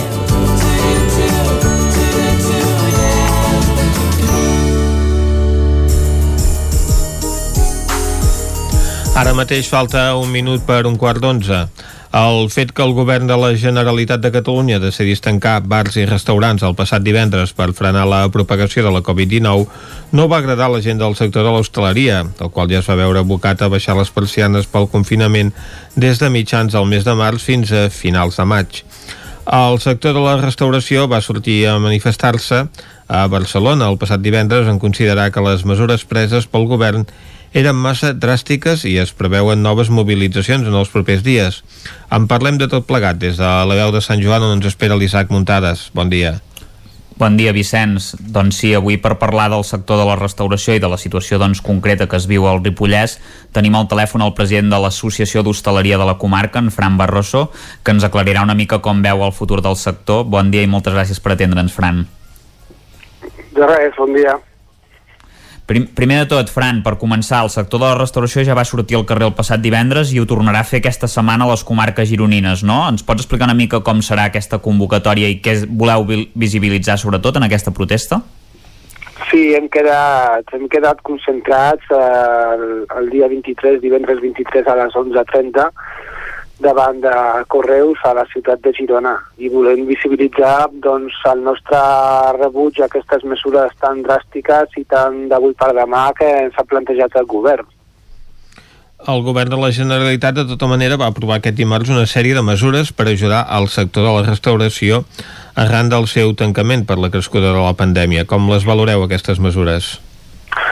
Home, doncs irrisòries i absolutament absolutament insuficients. Eh, pensem que ens han, ens han dedicat 40 milions d'euros quan les pèrdues en aquestes dues setmanes directes al sector s'estimen en uns 760 milions d'euros, de, no? Vull dir, són, -huh. és una quantitat ínfima per als locals d'hostaleria que, que ens veiem afectats per aquest tipus de mesures. I el fet de que eh, doncs, s'aprovi aquesta norma que doncs, eh, permet que el llogater i el propietari es posin d'acord a, a l'hora d'establir doncs, alguna compensació per aquests 15 dies de tancament i de no ser així doncs, que es pagui la meitat d'aquest lloguer mensual en aquests establiments que, que són llogats, vosaltres com ho valoreu? No sé si en el cas del Ripollès concretament doncs, la majoria de bars i restaurants són de lloguer o n'hi ha molts que ja són de propietat. Bueno, eh, sigui com sigui, eh, penso que és passar el problema a una, a una altra teulada, no? Vull dir, també hi ha un col·lectiu aquí que depèn de, dels seus lloguers per, per tenir les seves estructures eh, en peu. Per mm. tant, és, és criminalitzar, entre cometes, a, a un altre sector que, que, a, que li dona de, de rebot li dona i, i ha d'aguantar el pes de, de, de tota aquesta mesura eh, que, que està fora de norma, que entenem que està fora de norma. S'han aplicat eh, la, la, la mesura més dràstica sense tenir-nos en compte ni sense valorar el que, lo que significa realment eh, el fet de tenir aturat un sector tan important a Catalunya com és la restauració. Uh -huh. I la darrera vegada, de fet, que vareu tancar, o ara ho comentàvem, va ser per dos, dos mesos i, i escaig. Sembla bastant evident que el tancament, eh, com, com ja s'ha comentat, no serà per 15 dies. Això no sé si pot suposar un cop molt dur pel sector si després d'aquests 15 dies no, no rebaixen les restriccions. Doncs podria ser quasi bé definitiu, no? Perquè, clar, a 15 dies i 15 dies aquí poca gent s'hi creu que, que hi seran, 15 dies, per tant, eh, les passarem molt magres, les passarem molt magres perquè, clar, eh, l'esforç que ja es va fer anteriorment eh, ja, ja es van quedar companys pel camí eh, i gent que tenia unes estructures molt ben plantejades i, i, i, i amb, amb plantilles molt ben ajustades i, i tot molt, els deures molt ben fets, però, però l'ensopegada, segons en el moment econòmic que, que t'agafés, doncs, eh, bueno, et podria fer desaparèixer definitivament. I des d'aquí aprofitar la vinentesa i, i també denunciar que encara tenim treballadors al nostre càrrec que no han cobrat res del primer, del primer, dels primers fertes. Eh? Vull dir que la cosa és sèria i, i afecta molta més gent que, la, que en principi som directament als hostelers i prou. Mm -hmm. És a dir, que dels ERTOs que havia de pagar el govern espanyol, doncs ara mateix molta gent del sector de l'hostaleria del Ripollès no els ha cobrat i evidentment hi ha molta gent a la comarca que viu del sector. No sé si ho teniu valorat, quanta gent doncs, es podria veure uh, afectada, sense feina o perjudicada per totes aquestes decisions. És una dada molt complicada de poder aconseguir. El uh, que sí que és veritat és que ens consta que hi ha gent que encara no ha cobrat res des de març. Uh -huh. i a més a més doncs, el, el Ripollès, com eh, tots sabem, és una comarca on el turisme és molt important, la restauració és un dels seus punts forts. No sé com podria afectar si aquestes restriccions es van allargant fins al temps, com la temporada de Nadal, per tant, molts turistes i esquiadors que venen en aquesta època no, no, no poden venir a la comarca. De fet, ara mateix, doncs, en plena temporada de bolets, que és un dels punts forts en el sector de la restauració, doncs els establiments no poden obrir, si això també afecta a un altre dels atractius de la comarca, com és a, eh, la temporada d'esquí, doncs realment el, el volum de, de danys que pot causar són considerables, no? molts més que la primavera. Home, doncs conti que sí, no? Uh, seran, seran molt més devastadors aquests efectes, a més a més perquè ja venim, ja venim, ja és el segon, no? Venim d'un embat potent i, molt fort, i bueno, ja, ja et dic, uh, la sensació de desprotecció i, i, i de dir, bueno, el pes, de, el pes del sector dins de la comarca es, es verà afectadíssim i, i ja et dic, i la llàstima és que, és que gent es quedarà pel camí i, i, i no sabem quants, vull dir, és, és imprevisible tot això. Esperem que no siguin gaires, esperem pel, pel bé de tot i de les famílies que sigui el més possible, però evidentment ens afectarà qualsevol, qualsevol empresa eh, si la fan tancar en un mateix any eh, 3-4 mesos eh, tindria problemes per en sortir-se. Vull dir, no és només un problema de la restauració, és qualsevol estructura econòmica que plantegis eh, factura zero durant aquest període, no? És que és una bogeria. Mm -hmm. Perquè ara mateix hi ha, hi ha constància de que hi hagi establiments del Ripollès doncs, que, jo, que ja no ho reobrissin després de la sessió de l'estat d'alarma? Del primer embat es van quedar pel camí, uh -huh. es van quedar pel camí paris. Eh, ara, el segon, eh, nosaltres temem que sigui eh, més dramàtic que el primer, uh -huh. perquè, per, per, per això mateix, no? perquè el, que me referia a, a un moment, que, que clar, ja venim d'una sacsejada important i, i bueno, eh, les estructures de l'empresa no li ha donat prou temps, tot i que ha estat un estiu eh, molt bo per al sector, eh, no, no és suficient. Uh -huh. Mm.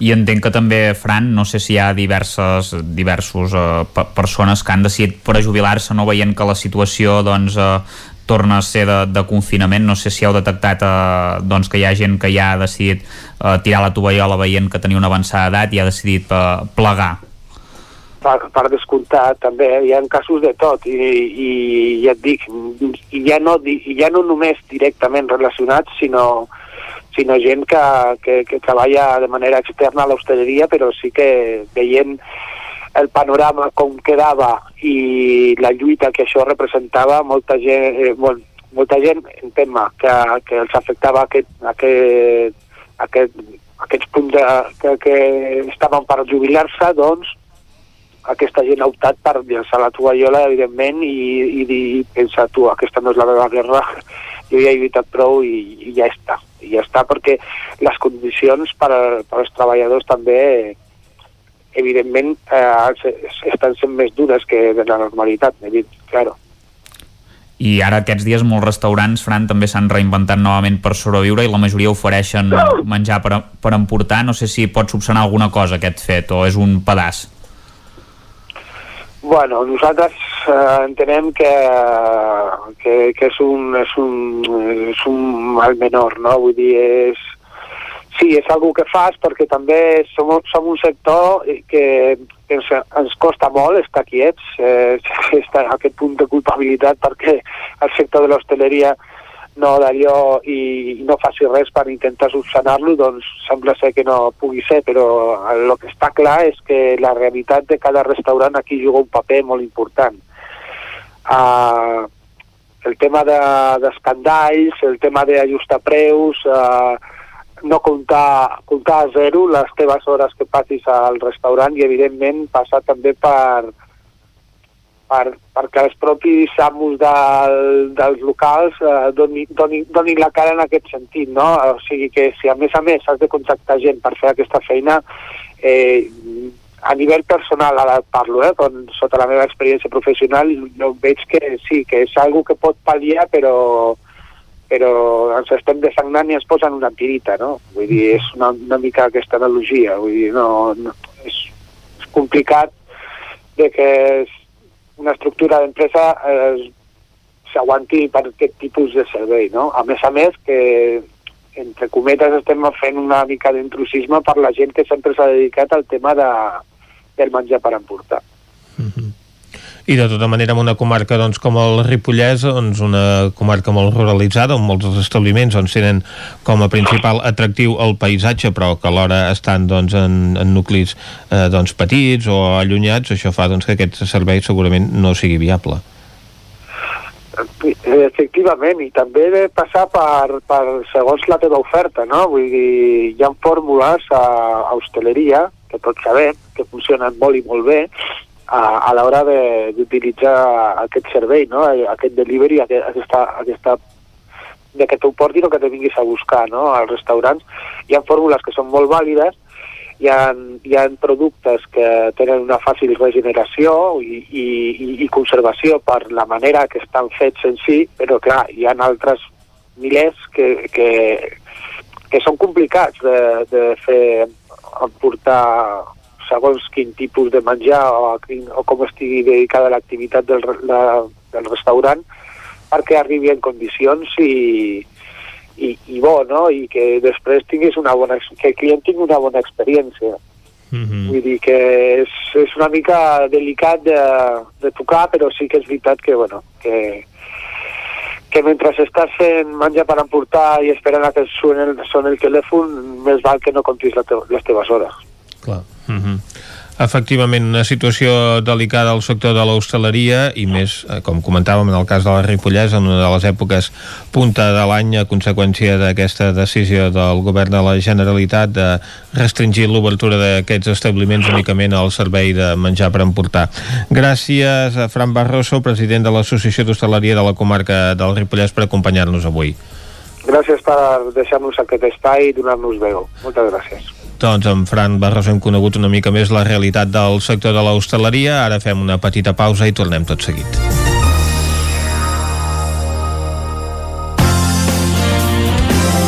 El nou FM, la ràdio de casa, al 92.8.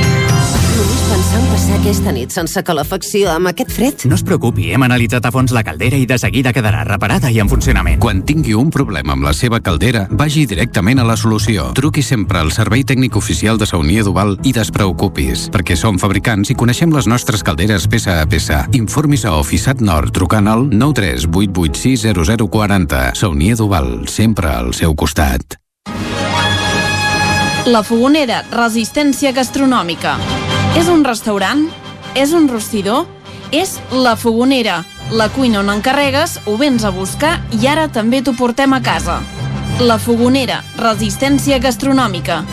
Ara, amb la fogonera de dia, amb aperitius, arrossos, segons plats i postres. I quan cau la nit, ens transformem en un popurri culinari. Búrguers, pizza, pasta... Truca al 93 851 55 75 o entra a lafogonera.cat. La Fogonera, el teu aliat gastronòmic. Cocodril Club. Si t'agrada la bona música dels anys 60, 70 i 80, escolta el 9 FM als matins de dissabtes i diumenges d'11 a 1. És el temps del Cocodril Club, tot un clàssic de la ràdio, amb les bases del pop-rock, les llegendes, les cançons que s'han convertit en autèntics himnes. Recorda, dissabtes i diumenges al matí, d'11 a 1, al 9 FM 92.8. Cocodril Club, el programa revival de l'Albert Malla. Hasta luego, cocodrilo. Tens por de l'ordinador? Vine al Magí. Amb les nostres píndoles digitals aprendràs la diferència entre internet i el núvol, com utilitzar el mòbil i les apps, i si ets professor dominaràs el Classroom. Sessions totalment pràctiques, fàcils i interactives. Som a Vic, telèfon 693 75 05 07 o també ens pots visitar al magí.cat. Inscripcions obertes. L'Auditori Teatre de Call d'Atenes presenta el Saben aquel que diu de Gerard Jofre el 24 d'octubre a les 9 del vespre, humor amb el Saben aquel que diu a l'Auditori Teatre de Call d'Atenes. Cada territori té un atractiu o més d'un. El fruit el paisatge, la seva gent, les pedres... Camins de l'Eix. Descobrint el capital de terra endins. Camins de l'Eix, dissabte a les 9 del vespre al 9 TV. Aquesta setmana, l'Alt Urgell, amb el suport de la Generalitat de Catalunya. 7 milions i mig de futurs.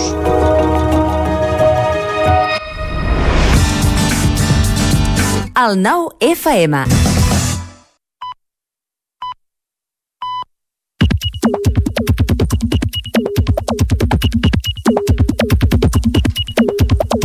Són dos quarts onze, és hora de que ens visiti l'Isaac Moreno. Bon dia. I bona hora. Repet, repassem els uh, tuits més destacats de la jornada. No ho fem gaire sovint, eh? però no? clar, aquest cop sí, no, repassar els tuits sí. El que no fem gaire sovint és repetir un tuit, repetir persona, tuits di diferents d'una mateixa persona. Uh -huh. Però és que ahir l'Enric Xicoi, periodista, estava sembrat Carai. i va fer uns quants, diu. Diu, no hi entenc del tema, però diria que precisament la clau de la defensa de Trapero era desvincular-se d'en Forn i dels plans del govern. La sentència actual més aviat reforça aquesta tesi, no? En aquest sentit no la veig contradictòria amb la condemna condemnable de Forn. Clar, és un, un tuit d'actualitat. Uh -huh. Aquí hi ha interpretacions per tots els gustos. Però... Correcte. Una estona abans havia piulat. Diu, tu li dius al jovent que s'instaura el toc de queda i què fan? Doncs això, queden i es toquen. I una estona abans encara havia fet un fil de tres piolades d'una experiència viscuda ahir al matí a la carretera. Diu, aquest matí baixant a Barcelona m'ha avançat l'autobús en Segalés, que acabava de sortir de Vic a les 6. M'he decidit a posar-me just darrere seu i seguir el seu ritme. M'ha costat, no estic acostumat a anar tan ràpid. Són exactament 63 quilòmetres i els fa en 60 minuts, per tant, una mitjana de 60 km hora, inclosos els trams urbans. Sovint anava a 100 en trams de 80. Confesso que jo també he comès la infracció per seguir-lo i fer la foto. Això sí, puntual a les 7.01 ja era puesto a la primera parada de Sant Andreu complint amb l'horari previst amb només un minut de retard. Doncs eh, s'ha de felicitar també la puntualitat de la, del Servei Públic de Transport. No? I s'ha de condemnar el passar-se pel forn de la, la, la, les limitacions de velocitat i altres. Però que deu ser l'horari que està sí, sí, establert, està clar, per tant... Està, eh... no, està clar que els, els autocars sempre arriben a l'hora, no sé com, com s'ho fan, és un altre tema. Mireia Genís diu algú molt malparit, malparit ha cremat la porta del Carme. És una església a la que de petita hi anava a fer catequesi amb por. Els passadissos estrets i foscos perdedors, però, és que, però que des, destrossi el patrimoni m'empipa molt. De fet, ja fa dies que està cremada la porta sí. del Carme. Va ser un piròman que van detenir la mateixa nit de, dels fets. Uh -huh. Per tant, però sí, és així de, de trist. Ton Falqués des de Sant Feliu de Codines barra Suècia. Des que sóc a Suècia això de Sant Feliu de Codines barra Suècia no la veritat és que home, molt a prop una cosa de l'altra no estan. Dius que té un peu a cada lloc l'home. Diu, doncs sí que, que soc... té les cames llargues. Deu ser això. Des que sóc a Suècia la combinació de Barça i Champions era sinònim de pizza i birra a casa. Avui sopré un caldet i un tros de truita que va sobrar diumenge. Aquest és el meu nivell de motivació per aquesta temporada amb l'equip. Menjarem pizza aviat? no ho crec el tuit pessimista del dia ens el porta en Roger Puigdecanet, psicòleg, diu en un mes tots confinats, i ho sabeu, tot anirà malament. També ens un ressò d'un piulador de la Roca del Vallès, Jordi Uncle Garrot, diu si vols que el teu fill tingui un nom exòtic, diferent i que ningú a la seva classe es digui igual, pots posar-li Joan, no Josep. o Asa. Ari Carrera, avui l'Estat, la gent més tòxic i distorsionador, ha certificat la mort dels autònoms. Ens ha cobrat l'IVA i l'IRPF amb el corresponent pagament a compte, és a dir, hem avançat diners a l'Estat fins a la declaració de l'any vinent. Lladres professionals. És clar que aquest és el resultat de la voluntat majoritària de la població. Volíeu estat gegantí? Doncs aquí el teniu. De fet, gairebé que m'alegro de tot aquest drama general. Mira, doncs Deixem-ho aquí. Acabem amb dues pilades que ens venen d'Osona Sud. Uh -huh. Vicenç Vigues diu, perdó, Ajuntament de Vic, a 20 d'octubre, què ens espera un mes i mig d'estat d'alarma? Aquest I... tuit s'ha de veure, però. S'ha de veure. no, no serveix per la ràdio. Comparteix la fotografia que a Vic ja hi estan posant els llums de Nadal. Val a dir que a Torelló es van avançar una setmana. I no, no han quedat curts, perquè pràcticament tota la ciutat doncs, ja està ara mateix il·luminat. Quina explicació té això? Perquè no cada any eh, comencen abans a, a col·locar la llum de Nadal, aviat, queden dos aviat, mesos per Nadal. Hi haurà algun que no els trauran ja. O ja podrien empalmar i amb el mateix doncs, treure les banderoles de la festa major, col·locar els llums de Nadal i aprofitar la sí, feina. Home, després les banderoles de la festa major han de venir les de música viva i després les del mercat medieval i tantes altres.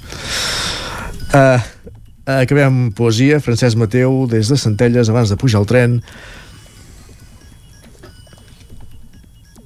pam, pam, pam, Va, va amb retard aquest, aquest tuit perquè Sí, perquè no... es refereix a la ah, Renfe i per tant no, perdó, no el tenim a l'hora. M'he equivocat, no, encara faltava, faltava més piulades. Ah, doncs a veure, uh, ahir, va haver, ahir va haver-hi ple roda, ara en parlarà en Guillem Rico, però ens quedem amb una picabaralla que hi ha hagut aliant al ple. I IPR, Independents per Roda. Ahir al ple una persona al públic va fer notar que durant el transcurs del ple la regidora d'Educació li va fer la figa, entre parèntesis i peineta. Fa unes setmanes el govern de Roda publicava que tothom mereix respecte i educació. Com actua el govern davant d'aquests fets? I cita el 9-9. I, home, està- es fa- és una, interpre una interpretació una mica forçada, eh? pensar Sí. que allò és una peineta, però bueno, si ells ho diuen. Exigim respecte per tots els i, els i les militants de la nostra formació i pel públic en general, després del gest que la regidora d'Educació ha dedicat als assistents mentre es desenvolupava el ple, això diu Junts per Roda. I respon una Marta Rovira, que no és la Marta Rovira de Ginebra, diu és Marta de Roda, és l'usuari, diu què faran? Res de res, el que porten fent des de juliol. Absolutament res. Ho deixem aquí o, o passem al tuit d'en Francesc Mateu? El tenim. Fa menys fred que aquests darrers dies, però el sol no troba cap forat per deixar-se veure. Hi ha boira a les fondalades. La tardor ja comença a pintar de grocs i marrons el paisatge. Bon dia. Doncs amb aquest eh, desig eh, tanquem aquí el repàs de les piulades i anem a veure què treu el 99.cat a les seves portades. Comencem per la del Vallès Oriental, la de color verd. El Montseny vol reinstal·lar sistemes de control dels flux, fluxos de cotxes. El Col·legi d'Advocats de Granollers amb habitatge per promoure la mediació. Ha aturat un desnonament a una família del barri de Ponent de Granollers i el Vallès Oriental suma un miler de positius de Covid-19 en 7 dies. Carai. Carreguem la portada vermella, la Bosona i el Ripollès. Un aiguat de por, la crònica dels 80 anys de, de l'aiguat del 40, mai millor dit, embotits assegurats tanca el cercle de producció amb la integració de dues granges porcines, instal·len pilons davant la comissaria dels Mossos a Ripoll i un camió volca a l'eix transversal la GURB amb vídeo inclòs. Doncs eh, tanquem aquí aquest repàs eh, digital de la jornada d'avui. Moltes gràcies, Isaac. Bon dia. Anem ara nosaltres cap a la taula de redacció. Territori 17.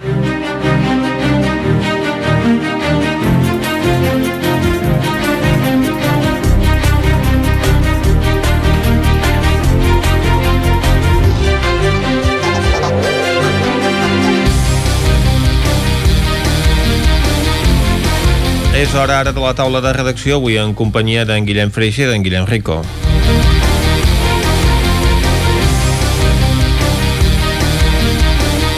Fa un dia núvol, però en Guillem Freixa ens vol parlar de plaques fotovoltaiques. Sí, i uh, esbrinarem aquest dubte, no?, amb un dia així uh, tapat, amb, Rendeixen o amb no? certa...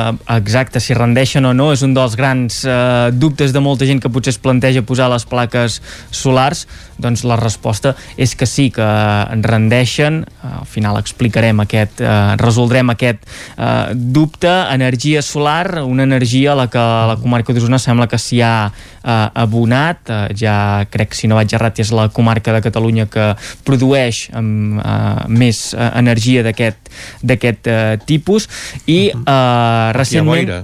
Hi ha boira, imagina't. Recentment, eh, la Diputació de Barcelona ha engegat una línia d'ajudes, de subvencions per eh, instal·lar plaques fotovoltaiques en edificis municipals i la comarca d'Osona que s'hi ha abocat i ha apostat eh, fort i de fet és la comarca de la demarcació barcelonina que en surt més beneficiada. Eh, hi van haver un total de 60 peticions a tota la, a tota la demarcació barcelonina i 28 d'aquestes peticions eh, aprovades són de municipis d'aquí d'Osona. En total hi havia una partida de 800.000 euros en aquesta línia de, de subvenció i pràcticament la meitat, un 44%, 370.000 euros vindran en forma d'ajuda cap a, aquí, cap a, a Osona. Com és aquesta línia d'ajuts? Doncs eh, l'import màxim que pot rebre una població són 15.000 euros, hi haurà 17 poblacions d'Osona que rebin aquesta xifra, mentre que si presentaves un, un projecte amb un import eh, inferior a aquests 15.000 euros o, o més, més petit, eh, se'ls hi financia fins al 75% del cost de la instal·lació que s'ha presentat, del projecte que s'ha presentat. Per tant, uh -huh. és força important l'ajuda que es fa des de la Diputació i com s'explica que Osona n'hagi sortit tan beneficiat, com és que tantes eh, peticions han sigut aprovades dins el global de tota la línia d'ajut? Doncs la clau és l'Agència Local de l'Energia d'Osona, una institució vinculada al Consell Comarcal d'Osona, un dels seus tècnics, eh, el coneixeu bé aquí al Territori 17. Efectivament, en Gil Salvans En Gil- ens visita eh, doncs, un cop al mes al Territori 17. Ahir Doncs ens havia de Gil Salvans visitar. ens per- Ahir ens havia de visitar, efectivament. Sí, però deixa'm dir que el tenim uh, sense veu uh, per una afecció que no té res a veure amb el coronavirus, però el vam tenir això, pobre, està afònic Mhm. a casa, cubant, i precisament per això ahir vam tenir la Margarida Feliu, que en aquest cas seria la seva responsable política. Exacte. Fet Doncs- aquest apunt, seguim. Eh? amb en, en Gil Salvanche que fa uns dies ens va explicar aquest fet eh, que eh, disposar d'una institució com l'Agència Local de l'Energia d'Osona fa que es pugui donar un assessorament eh, tècnic eh, molt precís en els municipis l'hora d'anar a buscar aquest tipus d'ajudes eh, per potenciar l'energia l'energi- l'energia verda i és que una de les claus d'aquesta línia de subvenció era presentar projectes eh, amb cara i ulls, eh, redactats, eh, amb ferm, eh, i això és el que va permetre fer l'agència local, ajudar els municipis a redactar correctament aquestes eh, peticions, presentar-les a la Diputació i els resultats s'han vist amb aquesta gran quantitat de, de subvencions eh, aconseguides. També ens deia que amb una inversió mitjana de 20.000 euros es poden aconseguir potències en, en quilowatts força importants per, per uh, fer anar, per uh, tenir l'electricitat en, en, en aquests edificis municipals. Quines peticions hi han hagut? Doncs molt diverses, eh? des de, pel que fa al, vol volum del municipi, tenim que Vic i Manlleu, per exemple, han estat beneficiades en aquesta línia d'ajuts, però és que també ho han estat Lluçà, un Mhm. poble realment petit, Petit. d'aquí a la comarca d'Osona, i pel que fa a, a on es volen col·locar aquestes plaques fotovoltaiques, doncs trobem principalment eh, escoles, eh, instal·lacions esportives també, o eh, locals, sales polivalents, també edificis eh, d'ajuntaments que acullen la, la institució, és on es eh, posaran. Un d'aquests casos precisament és Lluçà, on hi ha un projecte ja preparat per a través d'una instal·lació de plaques fotovoltaiques a funcionar l'Ajuntament, l'escola Mhm. i el eh, local social, eh, tres edificis que estan eh, adjacents, que estan de, de costat i podran eh, potenciar l'energia verda en, aquestes, en aquests equipaments eh, a través d'aquesta subvenció de la Diputació, també una línia d'ajuda del, del PUOSC i podran apostar per aquesta transició energètica. I acabem amb el dubte que, que començàvem, la plana de Vic, la comarca d'Osona, però sobretot la plana de Vic, la boira hi és molt present, el dubte de eh, això funciona quan hi ha boira, doncs Gil Salman ens deia que la incidència és mínima perquè eh, en el moment en què sempre hi ha boira o la majoria de dies hi ha boira és a primera hora del matí, un moment en què el sol sol anar molt baix, eh, ja va molt, molt baix, i també si estigués clar seria el moment en què el rendiment de la placa seria mínim ja de, de per si, que després escampa aquesta boira i que les plaques fotovoltaiques poden funcionar amb total normalitat. I també remarcava que els dies eh, de boira espessa durant del matí fins a la nit cada vegada són, són menys habituals que no es produeixen com passava potser fa 20 o, o, o 30 anys i que això també es, es nota que si es vol fer una aposta per l'energia solar i es resideix a la plana de Vic doncs que, que es faci i es tiri endavant Ja, ja ho diuen que amb l'obertura de l'eix en parlàvem fa uns dies, Sí. sí. amb els túnels escampa la boira. Hi han diverses teories, eh? També deien eh, si el pantà està més amunt, més avall, són, són uh, variables que la, la cultura popular, no? no sé si hi ha aquí base no hi ha, científica. No hi ha cap base científica, efectivament, en tots aquests eh, comentaris, però sí que és cert que aquella espessor de la boira de, Mhm. que trobàvem doncs, molts anys enrere, ara mateix no, no acostuma a produir-se. Doncs això, que s'aposti per aquesta energia solar. De fet, moltes empreses aquí a la comarca d'Osona a nivell eh, particular ho han fet. Això també explica que sigui la, la comarca que més produeix energia solar de Catalunya perquè eh, grans empreses a, a nivell agroalimentari han apostat a sobre les seves taulades per, per posar eh, Agroalimentari no, les dues principals empreses d'Osona en tot cas sí que han apostat per Sí. aquesta energia també.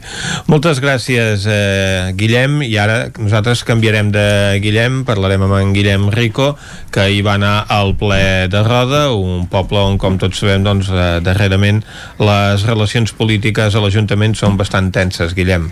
Bon dia.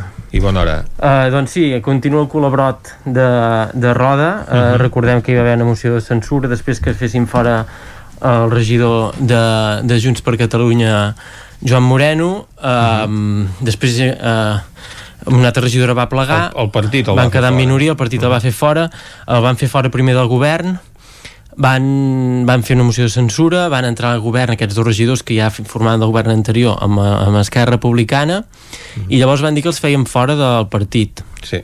i que els feien fora del grup municipal i passaven a ser regidors no adscrits. Doncs ara, ahir, van fer una modificació perquè eh, el jutge, diguem, ha acceptat les mesures cautelars i això vol dir que ara Joan Moreno torna a ser el portaveu de Junts per Catalunya de nou eh, a Roda. Um, Marina Quintana de moment encara no perquè el seu procés va una mica més lent i per tant continua com a regidora no escrita però per tant ara el grup de Junts per Catalunya hi ha en Joan Moreno que era el, el cap de llista que està a l'equip de govern Clar. i Albert Aguilar que era el seu número 2 que no va sortir del govern i, i que fins aquests últims mesos des de la moció de censura que és qui tenia el suport del partit eh, és qui tenia el suport del partit, exacte sí. no, no de tot el grup perquè hi ha gent de, del grup pròpiament de Roda que, Uh -huh. s'han posicionat a les dues bandes. Per tant, es va aprovar unes modificacions en què la representació, bueno, tornava a constar Joan Moreno com a, com a representant de, de Junts per Catalunya. Per tant, ara hem d'aclarir si la representació doncs, la designa el partit o, o la designa un jutge en funció d'un candidat que es presentava amb una llista però que el partit no reconeix com a tal.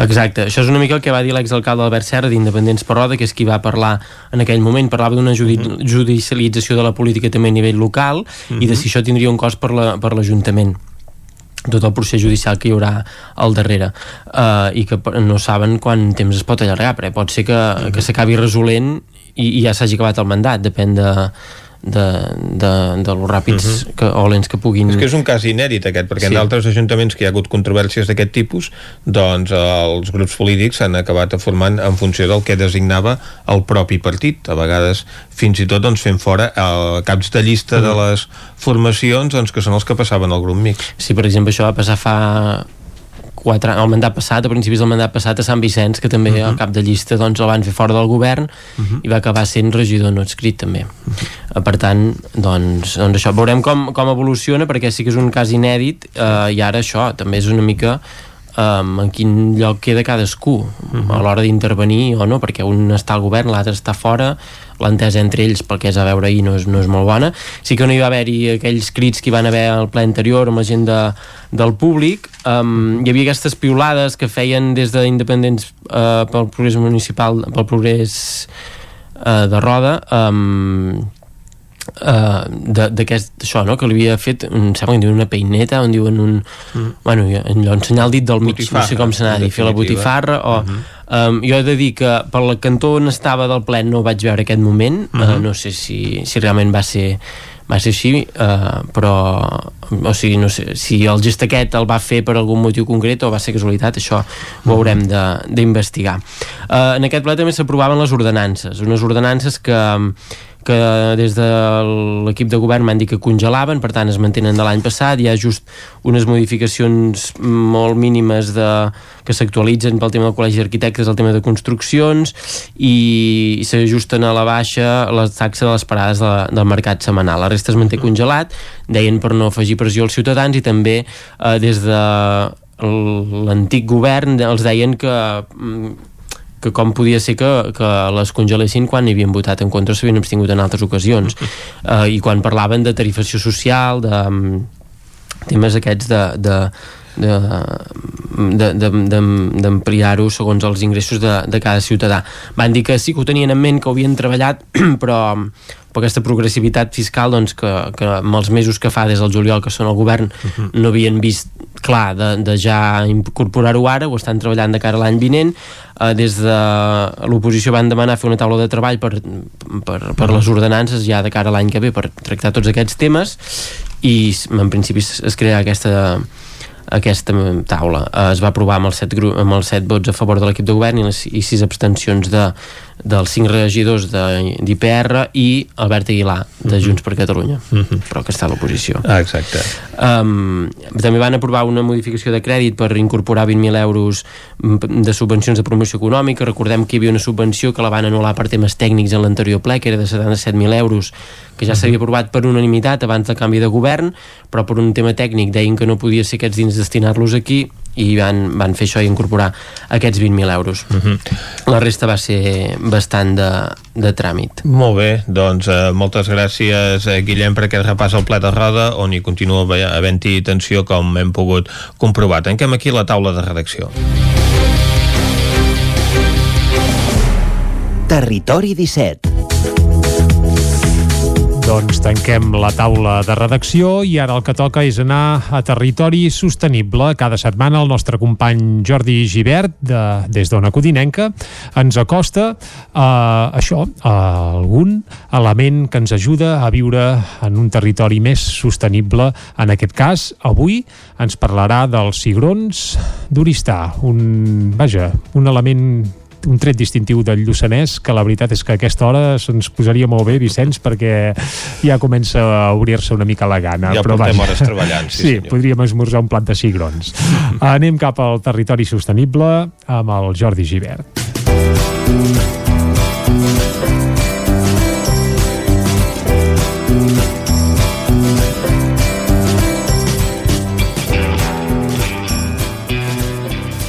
Alguns aixalabrats consideren les llegums els germans pobres de la cuina, però el que és cert és que són uns grans tresors gastronòmics i sobretot nutricionals. Els cigrons són especialment bons per a persones amb problemes cardiovasculars, colesterol o diabetis i a més a més estan boníssims. Avui ens acostem al Lluçanès per parlar d'una varietat autòctona que han recuperat i que a més a més persegueixen cuiners amb estrelles Michelin. Avui, a Territori Sostenible, parlem dels cigrons d'Oristà.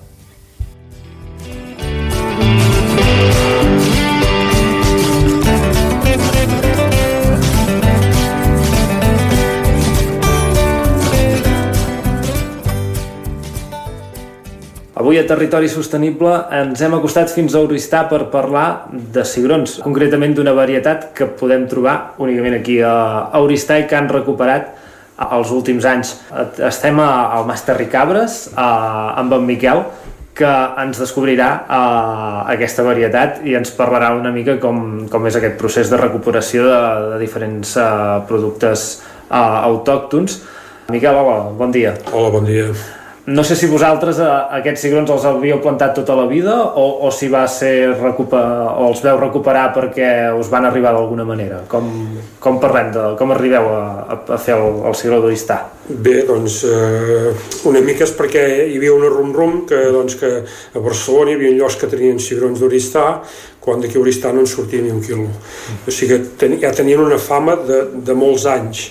Llavors, alguns anys que aquí va ser molt secs, que que, que, que no es va acollir gaire perquè va ploure poc, vam pensar que seria una bona opció recuperar el cigró, que el cigró, el cigró és un, un cultiu que no, no necessita tanta aigua, també necessita, però no necessita tanta, i bé, doncs, com que sabíem que hi havia una varietat que era d'aquí autòctona d'aquí al municipi, vam buscar llavor i vam començar a plantar. Això va ser el 2007. Llavors, i a Barcelona, o sigui, hi havia altra gent a fora d'Oristà que sí que plantava aquesta varietat o és que la feien passar per una altra? Feien passar cap per llebre, per dir-ho manera. No. Teníem anomenada i col·locaven un cigró que devia ser petitet com aquest, força bo, i doncs era mm -hmm. cigró d'Oristà. Uh, què, què té d'especial de, el, el cigró d'Oristà que, com el diferenciaríem d'una un, altra varietat? Vull dir, no, no ha pas de ser entendre gaire, mm -hmm. perquè és un cigró que és més blanc que els altres. Va. O sigui, si tu els barreges amb una altra varietat de cigrons, que són més ataronjats, uh -huh. i aquest és més pàl·lid. I altres varietats són llisos, i en canvi aquests són arrugats. Uh -huh. Llavors, eh, quan es couen, eh, no fan pell, i són molt gustosos. O sigui, hi ha gent que gent que té estrelles Michelin que quan cuina el cigron diu que destapant l'olla uh -huh. amb l'aroma que fa ja saben si són d'aquests d'Oristà o si és una altra varietat Clar, uh, quan, quanta gent en planta ara aquí a, a Oristà d'aquest cigró? Aquí al municipi d'Oristà som dos, dos pagesos que en fem. Uh -huh. uh, un és a la Torre, i a Cal Doranet, i aquí a Oristà, al Mestre Ricabres. I, I clar, la producció ha de ser, és gaire gran o...? No, la producció és petita perquè també té porta molts problemes, o sigui, jo suposo que es va deixar de conrear perquè si tu plantes bat, en colliràs 10 quilos o en colliràs 1.000, però en colliràs. Això pot ser un any que en plantis i no collis res, perquè si fa una primavera molt plujosa tot i que aquest any va ploure molt, aquest any ens, els, ens vam salvar, però si plou molt agafa fongs i llavors la planta cada dia es va tornant més petita, aquí es diu que s'esfumassen i, al final desapareix la, la, la planta, agafa una molt... Bueno, es diu que s'esfumassen, la ràbia, hi ha llocs que en diuen la ràbia. Uh -huh. eh, el cigró té una, té com una defensa, que és que les fulles per sota, encara que passis tu havent dinat a ple sol, trobaràs que et mullen i és, un, és una defensa que tenen perquè no hi ha bacteris. Uh -huh. Si plou molt, arrenten i llavors per allà hi entren i agafen fongs. Va, o sigui que és, eh, és una varietat, a, a més a més que els altres cigrons, aquesta encara és més complicada. També, bueno, suposo que les altres també ho són, però aquesta jo, jo uh -huh. crec que és molt complicada. Ja. Uh, hi ha llocs que cap a Castella i això que en planten molts i bé, els va bé, no ho sé, poder és un clima diferent o una veritat que està més adaptada, adaptada al territori aquest és el d'aquí i bueno, eh, no, podem, no, no podem plantar l'altre hem de plantar aquest nosaltres sí, sí. Uh, però tot i així uh, el comercialitzeu encara que sigui per aquí al, al Lluçanès diguem-ne sí. uh, qui, qui, qui, us ve buscar aquest cigró? Uh, bé, bueno, la gent que li agrada la cuina, evidentment, uh -huh. doncs eh, menjar bé, doncs ve a buscar aquest cigró, doncs perquè és molt més fi que no pas un altre, no? aquells que a vegades els cous i la, la pell va preguntar i el cigró va per l'altre, aquest no. Eh, llavors anem en restaurants, uh -huh. eh, restaurants que tenen estrelles Michelin més d'un, i bé, a vegades hem, si tenim molta producció hem anat a alguna fira però últimament hem tingut alguns anys que a part dels problemes que té el conreu aquest, mm. també tenim el problema dels porcs senglars que els porcs senglars els agrada molt. O sigui que hi ha problemes que... Sí, és una lluita. Hem passat algun any que ens han, ens han menjat tots els senglars. I ja portem dos anys que doncs, posant-hi tres fils, posant-hi un bailet un electrificat només pel camp aquell, uh mhm. -huh. eh, ens els han respectat, però sí, sí, pensa que en una nit te poden trinxar tot un camp, eh? Sí, sí ja passa amb altres uh, cultius sí, de... bé, amb el blat t'hi fan mal però sí. no, no et xafran tot un camp de blat. T'hi faran molt mal però no t'ho xafran tot. Amb els cigrons. Com passa eh, el juliol que s'ha acabat el segar que no troben blat en lloc i això, clar, eh, hi ha pocs cultius quan s'ha segat mm. doncs pensa que si te'l troben ja, i, i bueno, no curiós per res. I tenim experiència aquesta nosaltres. comentaves que també el, eh, quan podeu doncs els, els porteu a, a diferents mercats no? Bueno, bueno, amb fires d'aquí al Lluçanès, fires d'aquí al Lluçanès, bàsicament. Fira Hostal del Vilà, eh, si fan fira aquí a Oristà al municipi, eh, no, ens, no ens movem, a vegades havíem anat a l'Ost i això, però no, no ens, bàsicament no ens movem d'aquí al Lluçanès. -huh. Bàsicament... Tot i que en venem a Vic i en altres llocs, eh? però vull dir que amb fires i això és, és, és comarcal i ens comentàveu que heu fet una, una associació amb altres productors uh, locals d'aquí uh, al Lluçanès per vendre producte de proximitat, no? Sí, ja devem ser, bueno, ara perquè ja afegim més gent, però en principi eren, eren molts productors de diferents, diferents sectors, vull dir, des de carn, des de formatges, des de pa, bueno, i doncs també som amb, amb els cigrons i doncs hi fem una comercialització conjunta. Uh, com es diu l'associació? La, es diu Associació de Productors i Elaboradors Artesans del Lluçanès. O sigui, si algú es vol buscar, a més més del cigró, els altres productes que es fan al, al Lluçanès, ho pot trobar... Sí, llavors hi ha com una marca comercial que es diu Lluçanès a taula, que és mm -hmm. la, marca comercial de l'Associació de Productors. Val, doncs, ens ho apuntem també per, per anar a visitar algun altre... Si la, per la proximitat, sí, sí. Eh, si algú està interessat, sí, sí. hi ha una pàgina web i es pot consultar. Mm -hmm. Uh, molt bé, doncs uh, no sé si ens pots explicar, per exemple, per acabar, a vegades s'ha de preguntar quan parlem d'un producte, alguna recepta de, que puguem que quedi bé el, el cigró d'aquí tal com us agrada més a vosaltres?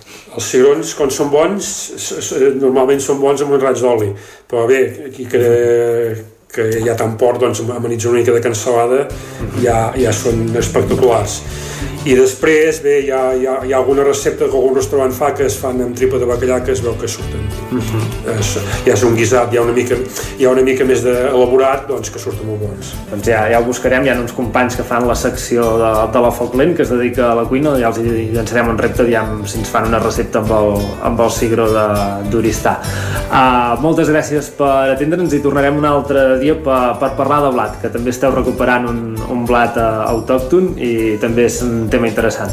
Molt bé, gràcies.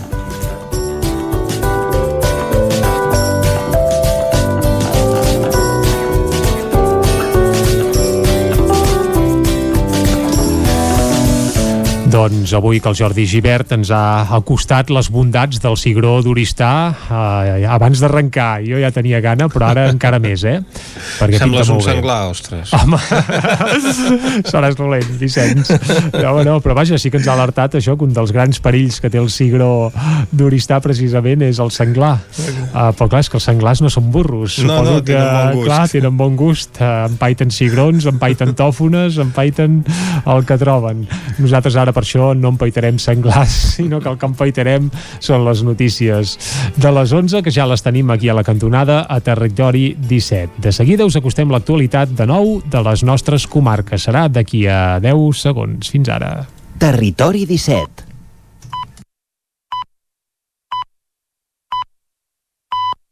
Són les 11. Territori 17, amb Vicenç Vigues i Jordi Sunyer.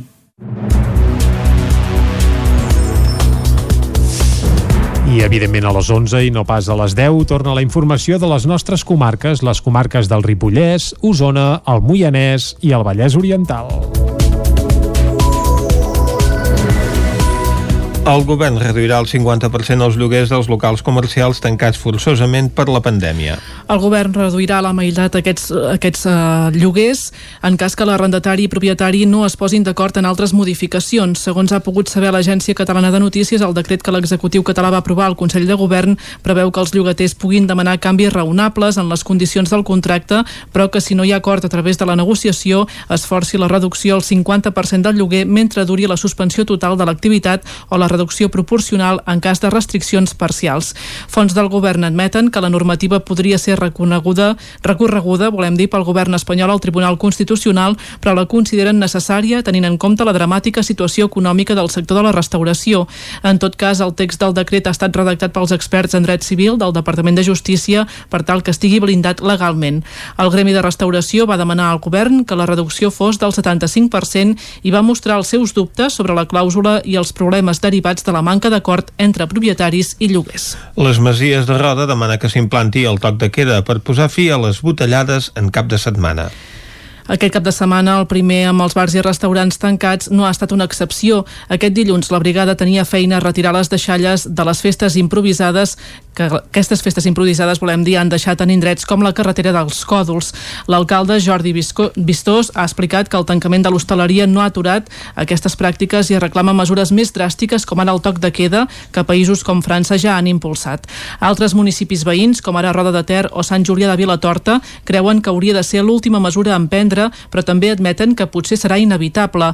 Llaunes de begudes, bosses, gots i canyes de plàstic escampades per terra són la prova dels últims botellons que s'han fet aquest cap de setmana a diferents punts de les Masies de Roda. Les deixalles no es concentren només en l'esplanada, on s'hi pot aparcar, també hi ha ampolles de vidres i fins i tot copes de cristall als marges de la carretera. Aquest dilluns, un treballador de la brigada municipal tenia dificultats per retirar-ho, sobretot les deixalles a dins dels esbarzers. Fa mesos que els dilluns, i ara ja aviat també els dimarts, els dedica a fer la ruta dels botellons per netejar l'espai. La policia local de Manlleu desallotja una festa amb 10 persones en un bar de la localitat. Segons fons de l'Ajuntament, els agents es van presentar al local després de rebre una trucada d'alerta alerta i van constatar que a l'interior hi havia 10 persones fumant xixa i amb la música posada, la qual cosa incompleix diverses mesures de les imposades per la Generalitat arran de la pandèmia del coronavirus. La policia va parlar amb el responsable del local i li va comunicar que els, els aixecava acte perquè la normativa fixa que els bars i restaurants només poden oferir comandes per emportar o a domicili i en cap cas atendre gent a dins. Ell es va dirigir posteriorment a comissaria alegant que no sabia que no es pogués fer una festa d'amics tenint l'estat establiment tancat al públic. Tot i això, des de l'Ajuntament asseguren que sí que coneixien les mesures, ja que el dijous abans els havien explicat a causa d'un altre incompliment de normativa. En el cas d'aquest bar de Manlleu, la sanció per incomplir les mesures extraordinàries pot arribar fins als 3.000 euros. El sector de la restauració del Ripollès critica durament les mesures del govern català i la falta d'ajudes. Isaac Muntades, des de la veu de Sant Joan. La decisió del govern de Catalunya de tancar bars i restaurants ha estat un cop molt dur pel sector de la restauració i l'hostaleria, el qual va sortir al carrer a manifestar-se el passat divendres a Barcelona per mostrar el seu enuig en com s'havia produït el tancament i reclamar solucions immediates. Al Ripollès la situació també és crítica i el president de l'Associació d'Hostaleria de la comarca, Fran Barroso, no es va mossegar la llengua a l'hora de criticar el govern català. L'emprenyada és monumental, no, superior. Vull dir, ja és l'estocada final. No entenem aquesta mida. No entenem que siguem els més llestos de la classe, la resta de l'estat espanyol, perquè això, malgrat tot, és Espanya, continua sent Espanya. Per tant, jo no sé per què a Espanya ha de, ha de tancar Catalunya, per la gràcia de Dios, quan tenim uns índexs infecciosos molt més baixos que la comunitat autònoma de Navarra o la de Madrid o la de Múrcia. No s'aguanta pel lloc. Barroso també es va queixar que, tot i assabentar-se del tancament un dijous, no van tenir clar si havien de tancar fins divendres i que, en certa manera, els hi va recordar el primer confinament del mes de març, quan molts bars i restaurants els van enganxar amb les càmeres plenes de menjar que van haver de llançar, congelar o regalar. Tot i que encara és d'hora per saber com afectarà aquest tancament de 15 dies, el president de l'Associació d'Hostaleria del Ripollès va assegurar que hi haurà negocis que hauran de baixar la persiana i, de fet, hi ha gent que comença a tenir una edat que ja s'està prejubilant. Barroso també va lamentar les solucions insuficients del govern català. Han plantejat 40 milions de rescat. Amb això no arriba, vamos, ni per pagar el cafè que se t'ha quedat en la tolva de la cafetera. És que és una aberració. S'estan enfotent de nosaltres, estan carregant tot un sector productiu que està fent els deures. Normativament parlant, tot es compleix de dalt a baix. Aquest cap de setmana ens hem trobat que els restaurants eren tancats i als pàrquings dels restaurants estava gent fent pícnics. És una aberració tan grossa i és un insult tan gran que, que a sobre ens volen fer creure que estan fent alguna per nosaltres. Segons Barroso, s'estima que en 15 dies es perdin 740 milions d'euros a tot Catalunya i més enllà d'aquesta quinzena suposaria la ruïna del sector. Barroso va apuntar que es podrien haver consensuat decisions menys dràstiques abans de tancar els bars i restaurants. A França tenim un horari, tenim un toc de queda, que sí, que la, la paraula pot ser molt forta, però si el problema és la restauració i dins de la restauració l'únic problema que hi havia era que no hi ha nit i la gent s'ajunta per fer botellons, eh, hi ha unes altres maneres d'acotar això. Prohibeix a la gent, per exemple, que surti al carrer entre les 11 i les 6 del matí. Per posar un exemple, eh? Mm. com aquest, acota les hores, acota l'afluència, acota la gent que puguis tenir. Sobre la implantació a molts negocis de restauració d'un servei de menjar per emportar, Barroso va comentar que això funciona més a les poblacions grans i no tant a les petites, perquè aquells negocis que ofereixen el servei per primera vegada fan, entre cometes, una competència deslleial als que ja estan especialitzats en el lliurament a domicili. La cursa solidària de Cardedeu canvia els carrers de la vila per la tercera planta del museu en una exposició de Stop Mare Mortum. David Oladell, de Ràdio Televisió Cardedeu. Es tracta d'una exposició fotogràfica que l'entitat Stop Mare Mortum ha cedit a la cursa solidària de Cardedeu i que estarà disponible durant un mes a la tercera planta del Museu Arxiu Tomàs Balvei. Aquestes fotografies retraten la vulneració dels drets humans a la frontera sud i la situació que es viu a Ceuta i Melilla i de la que no se'n fa ressò els mitjans de comunicació. És per això que precisament des de la cursa solidària van demanar organitzar aquesta exposició. Víctor Noguer, de la cursa solidària de Cardedeu. Volem que la causa de les persones refugiades eh, sigui visible. Eh, normalment ho hem fet amb un caràcter més esportiu. Aquest any, degut a, a la situació, ens hem trobat que la cursa no serà possible i estem fent petits esdeveniments perquè no es deixi de parlar d'aquesta causa. Aquesta exposició és propietat de Stop Mare Mortum i la cedeix a diferents entitats socials que la vulguin per organitzar actes al voltant de la crisi de les persones refugiades. Aina Burgell, de Stop Mare Mortum. Pensem que és importantíssim perquè eh, cal sensibilitzar moltíssim sobre les, mm, la vulneració de drets humans en les polítiques migratòries. El govern espanyol vulnera els drets humans a la frontera sud i amb aquesta exposició doncs, el que volem és una mica donar a conèixer aquesta realitat. Eh, per tant, és molt important que des d'organitzacions com la Cursa Solidària eh, es doni a conèixer doncs, aquesta situació i que la societat civil eh, també doncs, es, eh, es manifesti en, en contra d'aquesta situació que es viu a les fronteres d'Espanya. De, a causa de la crisi del coronavirus no s'ha fet acte d'inauguració al museu, però l'exposició es pot visitar en horari habitual del centre amb un aforament limitat. Caldes treballa per potenciar els valors de l'esport instal·lant lones informatives amb un decàleg de bones pràctiques. El respecte, la convivència i créixer d'una manera saludable i equilibrada són alguns dels valors que s'han plasmat en forma de decàleg a la primera lona situada ja al camp municipal de futbol i que properament es podrà veure en altres equipaments esportius municipals. Caral Campàs, des d'Ona Codinenca. El Club Natació Caldes, juntament amb el consistori calderí, han estat treballant en un decàleg de valors ètics relacionats amb l'esport presentat públicament per primera vegada aquesta setmana. L'objectiu concret d'aquest decàleg ha estat treballar els valors que es poden inculcar amb la pràctica esportiva de qualsevol agent. La iniciativa està marcada en el programa L'Esport que vull, un seguit d'accions pedagògiques relacionades amb l'esport que va donar el tret de sortida fa dos anys. En aquest sentit, Núria Carné, regidora d'Esports, ha explicat el motiu pel qual han tirat endavant aquesta acció tot i que ara estem en aquests 15 dies que s'ha aturat doncs, la, les competicions al cap de setmana i per tant doncs, no hi ha públic en els equipaments esportius, sí que és cert que l'anterior setmana doncs, ja hi havia aquest cartell penjat.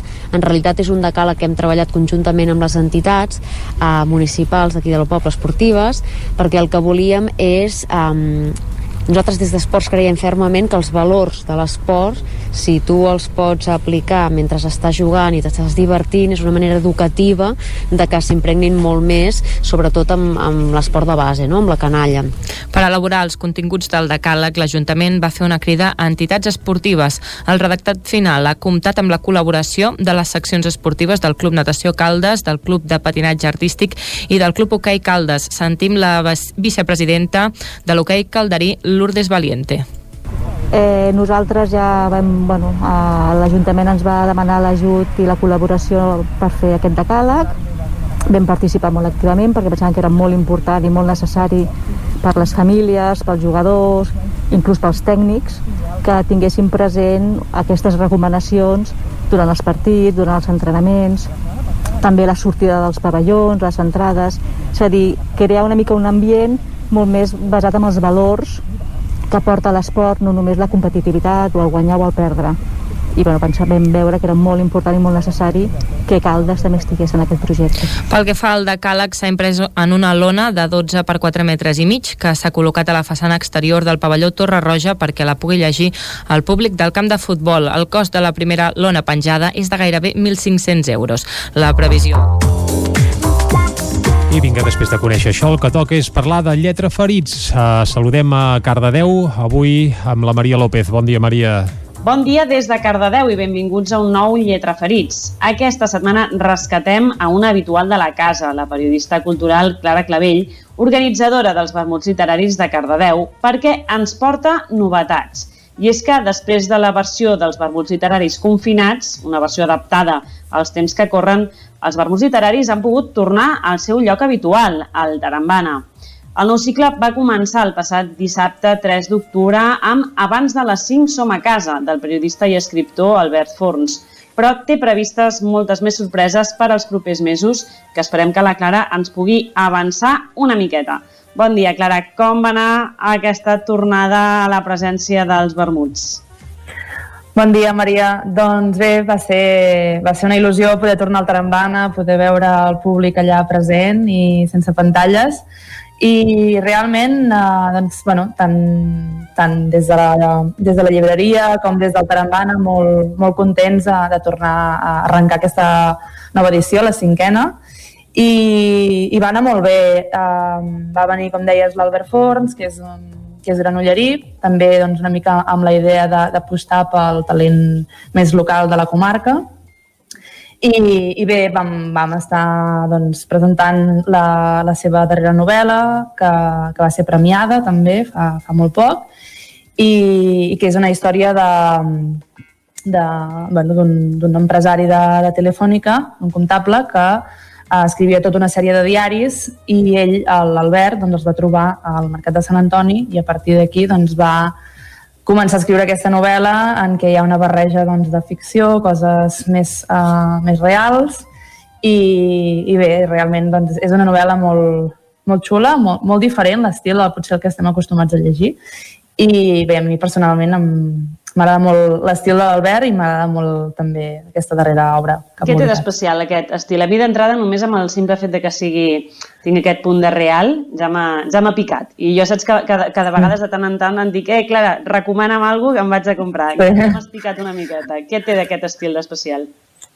Doncs aquesta barreja no, de, de partir d'uns diaris que són la vida d'un home, eh, que és, bueno, és un home doncs, real, i la barreja que hi fa ell amb coses més de, bueno, més ficcionades a partir d'aquests diaris.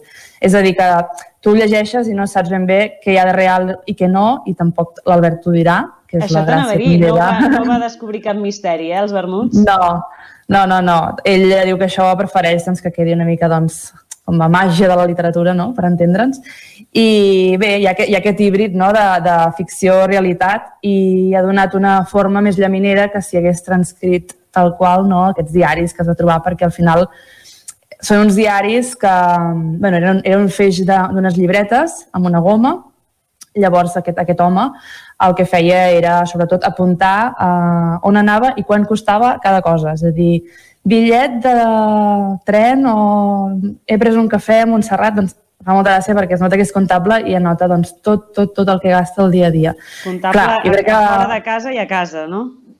Sí, una mica penso que si ell hagués transcrit tal qual el que s'hagués trobat hagués sigut una mica avorrit. Llavors la gràcia, la gràcia de l'Albert ha sigut ficcionar no? tot això i fer-ho fer, -ho, llaminer. Sí, Molt bé. I, I a nivell de gent, aquesta primera trobada, eh, diguéssim, física, perquè sí que és veritat que en els confinats, eh, l'últim de tots sí que es va poder fer amb Antoni Cruanyes, es va poder fer també ja versió eh, presencial o semi mig presencial amb les possibilitats que hi havien eh, i mig virtual. Aquesta última vegada, en principi, ja estaven oberts els restaurants amb la totalitat de l'aforament, només que uns dies després ens han tornat a, a tancar sí. El Tarambana. Però en aquesta primera la gent es va animar a anar o encara hi ha pors en aquest sentit?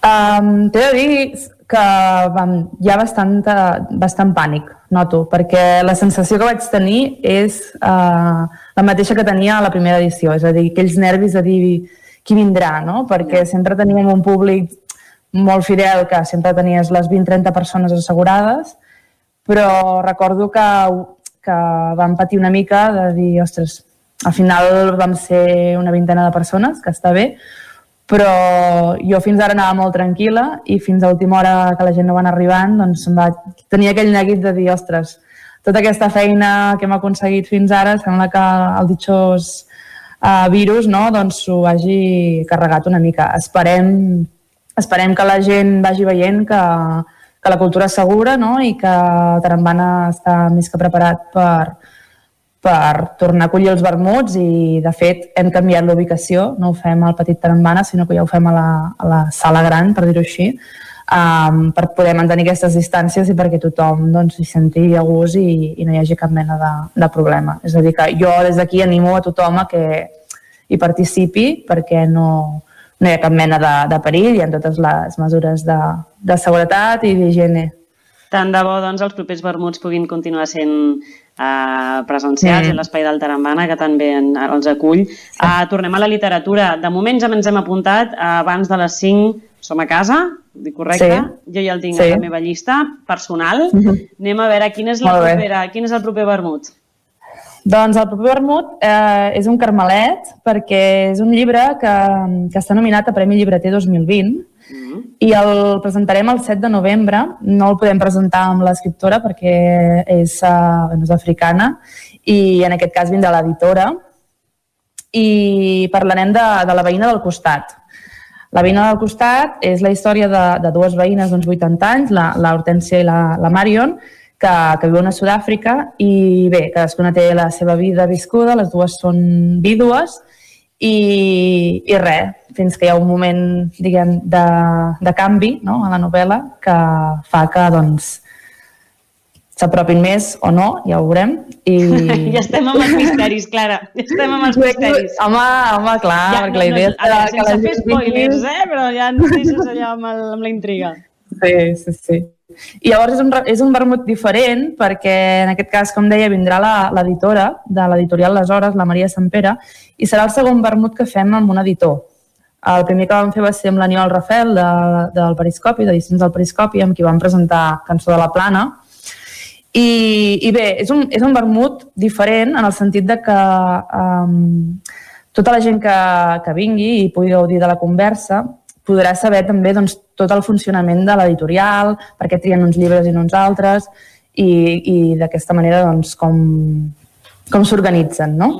I, per tant, jo animo a, a, a que vinguin perquè és una altra manera de, de, de veure la literatura des d'un altre, des altre angle. Des d'un altre punt de vista, clar que sí. Ah, exacte. Doncs la veïna del costat, que de moment només sabem dos veïnes que s'apropen o no. O sigui... sí, i justament vam triar el 7 de novembre, casualitats de la vida, llavors vam veure que l'entrega de premis és el dia abans, és a dir, el dia que fem el vermut, Ostres. ja sabrem si aquesta hora ha estat premi llibreter o no. Sí, sí. Uh, seria molt bon reclam en aquest sentit. Eh, sí. Següent, anem pel novembre. Quin serà el següent? Sí. Al novembre repetim, fem dos vermuts i farem un àlbum il·lustrat, el Capgirat, que, que bé, de fet és un llibre totalment cardedeuenc perquè l'han l'han portat a terme l'Alba Dalmau i la Cinta Vidal uh Mhm. -huh. i és un llibre molt, molt bonic que, que ens proposa veure el món des d'un de, bueno, des altre punt de vista també, no? des d'una manera diferent amb totes les il·lustracions que ja, que ja coneixem de la cinta i la, doncs, la, la literatura que ja ha posat l'Alba. La, és una altra aposta d'aquestes de, diem, de quilòmetre zero, sí. que intentem que cada any hi hagi almenys una als vermuts, i, i aquest serà el 28 de, 28 de novembre. 28 de novembre, aquesta aposta quilòmetre zero, com deies, amb un tàndem, uh -huh. amb un tàndem molt potent, Alba Dalmau i, i Cinta Vidal. A l'Alba, de, de fet, la vam poder entrevistar fa uns mesos, també en aquesta mateixa secció del, del Lletra Ferits, i en aquest cas amb aquesta combinació explosiva amb les il·lustracions de, de la Cinta Vidal, o sigui que aposta, aposta potent i, mm -hmm. i molt interessant. A més a més, sí que és veritat que sempre és un reclam, no?, la gent de casa, d'alguna manera, pels que estan a prop i poder, poder sí. veure-ho i, i fer aquestes preguntes des d'un altre format. I, i segueix, seguim, amb quin vermut eh, acabaríem, diguéssim, aquest cicle? Doncs acabarem, acabarem l'any, el 12 de desembre, amb la, amb la Marta Carnicero, que és de Barcelona, i presentarem Coníferes. A Coníferes hi ha un protagonista, que és en, en Joel, que viu a, a les Walden. Les Walden és com una mena de comunitat idíl·lica en plena natura que, diguem, rebutja tot el que són les noves tecnologies i la, potser la manera en què vivim actualment. És com una mica de crítica en, en aquesta dependència no? de les tecnologies i aquest viure estressat que tenim tots.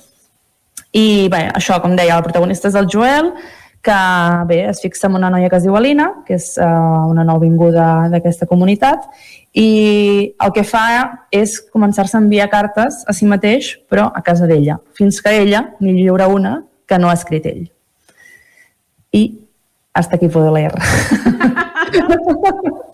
Clara, se't dona massa bé això de deixar-me amb la intriga a mi, eh? Sí, oi? Bueno, això és bo, això és bo. Així ens veurem allà fent el vermut i Sí, fas com el, el, el, el que no arriba ni a tràilers, fas el mini tràiler i és com que la meitat ja se t'acaba i dius, i ara què? I ara què ve? I ara què? Ara què? Jo sí, tinc sí. molta curiositat, Clara, a l'hora d'escollir cada vegada que proposes un, un nou cicle de vermuts, en què et bases per escollir-los? Miro molt, intento que sigui una obra bastant uh, nova, intento que siguin novetats, perquè si és una obra que ja se n'ha parlat molt, ja té una certa trajectòria, uh, aquell punt d'actualitat que, que tant ens agrada no, als periodistes, doncs um, perd una mica de, de força. Intento això, doncs, que sigui una obra que almenys s'hagi publicat aquest any o els últims mesos i, i també doncs, intento doncs, que, que siguin obres uh, d'autoria catalana perquè puguin venir els autors a explicar-ho. Si hi ha un llibre o una editorial que trobo que, que se li ha de donar doncs, més altaveu i, i l'autor doncs, és, és estranger, com el cas de la veïna del costat, doncs el que intento és que hi hagi alguna persona involucrada en aquesta obra, en aquest cas l'editora, perquè ens expliqui doncs, com ha arribat aquest llibre a l'editorial, per què aquest llibre i no un altre, i també aprofitar en aquest cas per parlar de, de quina línia editorial tenen i, i com fan la tria.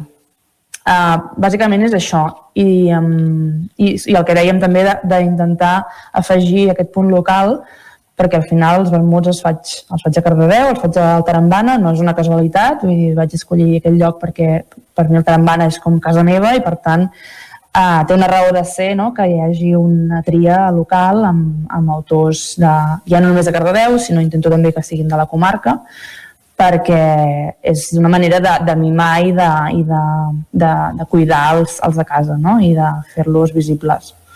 Entenc d'alguna manera que també dintre de totes les teves lectures deuen ser lectures que et remouen una mica, suposo que la primera intenció és sempre doncs, aquella que et remou sí. una mica més, i a veure si puc fer que vingui. Sí. Què, què li remou a la Clara Clavell quan llegeix un llibre? M'agraden sobretot històries molt, molt humanes. Sempre que em diuen què t'agrada llegir o quines pel·lis t'agraden, no et sabria dir quin gènere, no? Són històries molt humanes, amb, mm, amb històries que ens poden sonar a properes, unes més que altres, però, per exemple, gairebé no se m'acudiria portar un llibre de ciència-ficció o de novel·la negra, perquè són històries que ja a mi no, no m'arriben tant o crec que doncs, no connecten tant amb el que m'agrada llegir. I llavors sí que, clar, els llibres que trio doncs, són llibres que, que a mi m'agraden i que, que crec que poden agradar també al públic que normalment uh, ve als vermuts o públic lector, en general. No sé si teniu previst d'algú haver parlat alguna cosa a nivell tarambana en cas de que torni, de moment en el tarambana el tornem a tenir confinat com tots els bars i restaurants eh, sí. confinats fer entregues i tal a domicili, però almenys el que són les portes no poden estar obertes per acollir tota l'activitat cultural que fa de manera habitual.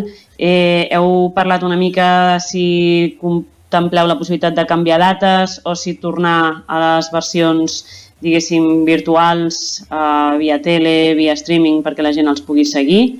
Quina planificació mm. teniu? Uh, de moment el que hem parlat uh, és que el proper, almenys el 7 de novembre, es mantindrà, si no canvia res, presencial, el que passa que um, segurament doncs, serà sense vermut, és a dir, que no hi haurà consumicions. Com a espai cultural uh, es pot fer, amb el 50% d'aforament, per tant, um, si no hi ha un nou Procicat encara més, diguem, més estricte en aquest sentit, uh, els mantindríem de moment mm, presencials. Sí que és veritat que, clar, mm, tot canvia cada dia a velocitat vertiginosa, no sabem què passarà, però a dia d'avui, 20 d'octubre, doncs dir-te que, que sí, que intentarem mantenir-los de manera presencial i, i si veiem que no, que no es pot fer, doncs miraríem de tornar a la versió confinada. Uh -huh. Doncs estarem molt atents a veure com, com evolucionen uh, aquestes dates i si es poden continuar fent d'aquesta manera. Ja per acabar, et demano recomanació dels quatre llibres que hem dit, el, que, la, el vermut que ja ha sigut, més els tres que tenim pendents. I et dono abans d'aquesta recomanació per guiar-te una mica. Vinc de Care Santos, seguiré els teus passos. Mm -hmm. Cap on vaig? Digue mal perquè m'haig d'anar a comprar una aquesta tarda i em faràs escollir tu. Ostres, Maria. um, la veïna del costat. La veïna del costat. Sí. Dit i fet, eh? El proper dia que et vegi et, et fem un feedback d'aquest uh, llibre. Vale. Correcte? Em sembla bé. Molt bé. Correcte. Doncs Clara, moltíssimes gràcies per tornar a posar-nos al dia sobre els vermuts. De veritat, molts èxits. A veure si aconseguim que no es tanquin les portes del Taramana i poder continuar re rebent aquestes entrevistes tan i tan interessants que, que portes eh, cada mes. Bueno, en aquest cas cada mes, hi ha dos al novembre, però bé, que vas sí. de manera periòdica i moltíssimes gràcies novament per acompanyar-nos. Gràcies a vosaltres.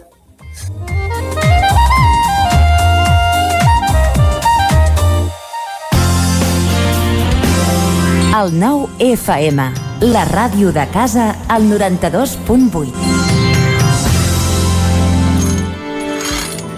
l'Auditori Teatre de Call d'Atenes presenta el Saben aquel que diu de Gerard Jofre el 24 d'octubre a les 9 del vespre, humor amb el Saben aquel que diu a l'Auditori Teatre de Call d'Atenes.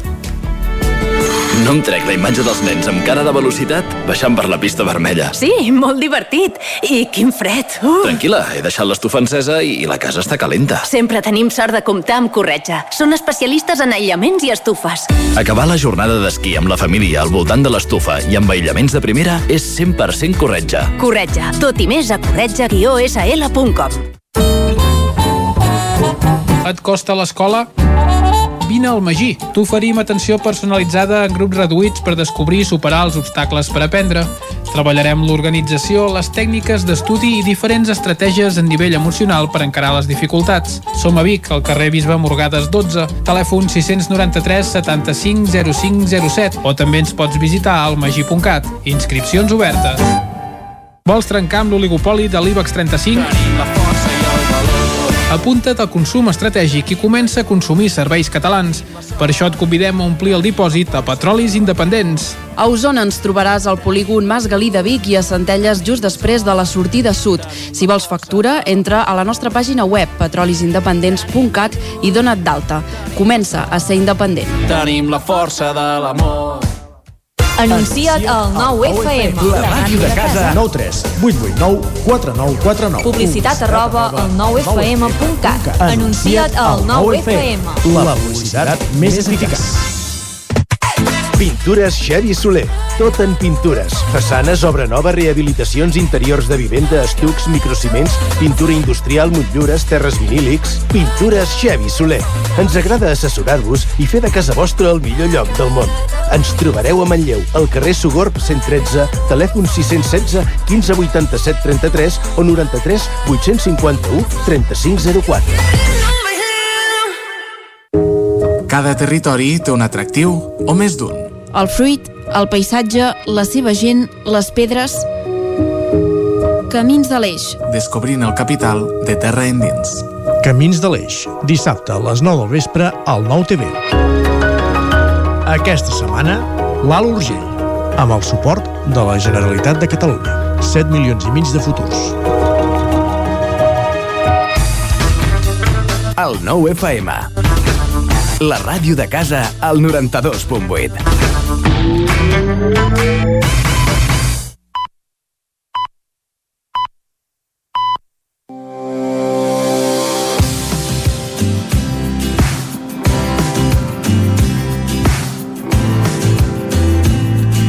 Avui seguim amb les passejades i excursions a la comarca de la Selva i comencem pel Parc Natural enlairat entre les planes de les comarques del Vallès, Osona i la Selva, com és el Montseny. És una reserva de la biosfera i confereix un mosaic de paisatges mediterranis i centroeuropeus que desvella l'emoció de les persones que el visiten. Us suggereixo una visita al Museu Etnològic del Montseny, que està ubicat al centre d'Arbúcies, al qual disposa d'un seguit d'itineraris, tallers, visites i activitats pedagògiques per tal de difondre els aspectes culturals del massís del Montseny, donant una visió dels diferents usos de la muntanya des d'una perspectiva històrica, tradicional i actual. Una altra de les excursions que podeu fer és a la Riera d'Arbúcies. La Riera és un dels sistemes humits d'aigües corrents i estancades faunísticament més ric i divers del conjunt Montseny-Montnegre. Podeu visitar la Farga del Roquer, centre d'interpretació de la Riera d'Arbúcies i un dels millors exemples de patrimoni industrial. Lligat de forma indissoluble a l'aigua i a la Riera, ha fet possible diversos usos tradicionals. Un altre dels espais naturals per visitar és el de Pinya de Rosa. Es troba dins del terme municipal de Blanes, entre la urbanització de Sant Francesc, Cala Treumal i Santa Cristina. Descobrir una de les platges més atractives de la Costa Brava, tot un espectacle per a la vista. Us parlo de la Cala Segulla, una petita platja de còdols i petites formacions rocoses formada per l'erosió del mar i la tramuntana en un racó de difícil accés prop del Jardí Botànic Pinya de Rosa, que fa de les delícies dels fotògrafs i fans de l'snorkel. A les Guilleries podreu trobar la Riera de Santa Coloma de Farners, un dels afluents de la Tordera que recorre la plana de la Selva.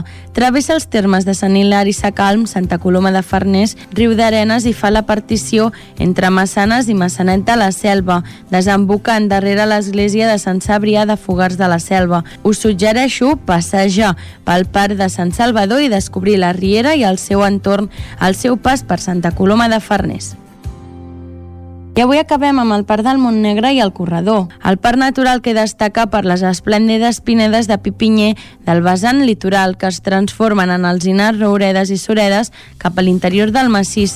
Tot i ser el segon espai natural més extens dels massissos que hem parlat avui, la única població de la comarca de la Selva vinculada al massís és Fogars de la Selva. Podeu visitar el Museu de la Pagesia, on es troba un punt d'informació del Parc Montnegre i el Corredor, i s'informa l'usuari de les rutes passejades i activitats itineraris que s'ofereixen.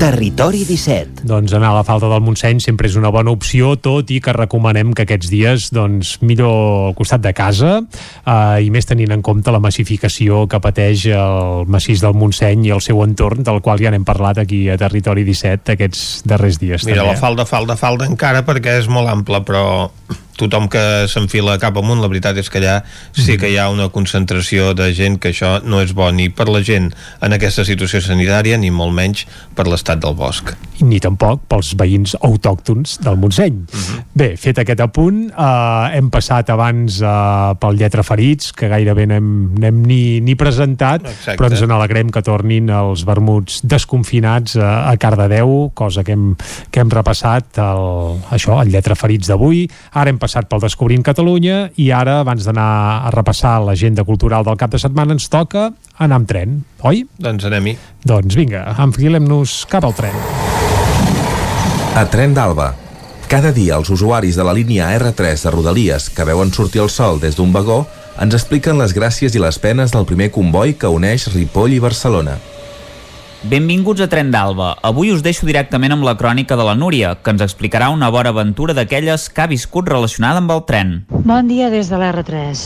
Avui, com ahir, ha sortit el tren de Vic 3 minuts tard i ha arribat també 13 minuts tard a Torrebaró. Sembla que la puntualitat quan volen, encara que sigui fent anar malament a la gent, la poden complir. Avui us explicaré una cosa que em va passar fa uns dies, que bueno, és una cosa per explicar. Resulta que a mig matí eh, de la feina vaig haver de sortir per anar a una reunió al mig de Barcelona i vaig agafar el tren que anava a... jo diria que anava a Martorell. A mig camí vaig començar a mirar mails perquè tenia molta feina i em vaig passar de l'estació de Sagrera, que allà havia d'agafar el metro per anar més enllà. En lloc d'això vaig continuar amb el tren fins a Arc de Triomf i com que anava molt carregada havia deixat les bosses al costat del seient i els mails els mirava des del mòbil. Al cap d'una estona, quan vam arribar a Arc de Triomf, ostres, quasi ben passo l'estació una altra vegada, doncs vaig sortir corrents i vaig decidir que, bueno, que allà on havia d'anar tenia com uns 20 minuts caminant, per tant que hi anava caminant i em calia agafar més transport públic. A mig camí de, passe de Passeig de Lluís Companys amunt, vaig pensar, ostres, vas lleugera. Ah!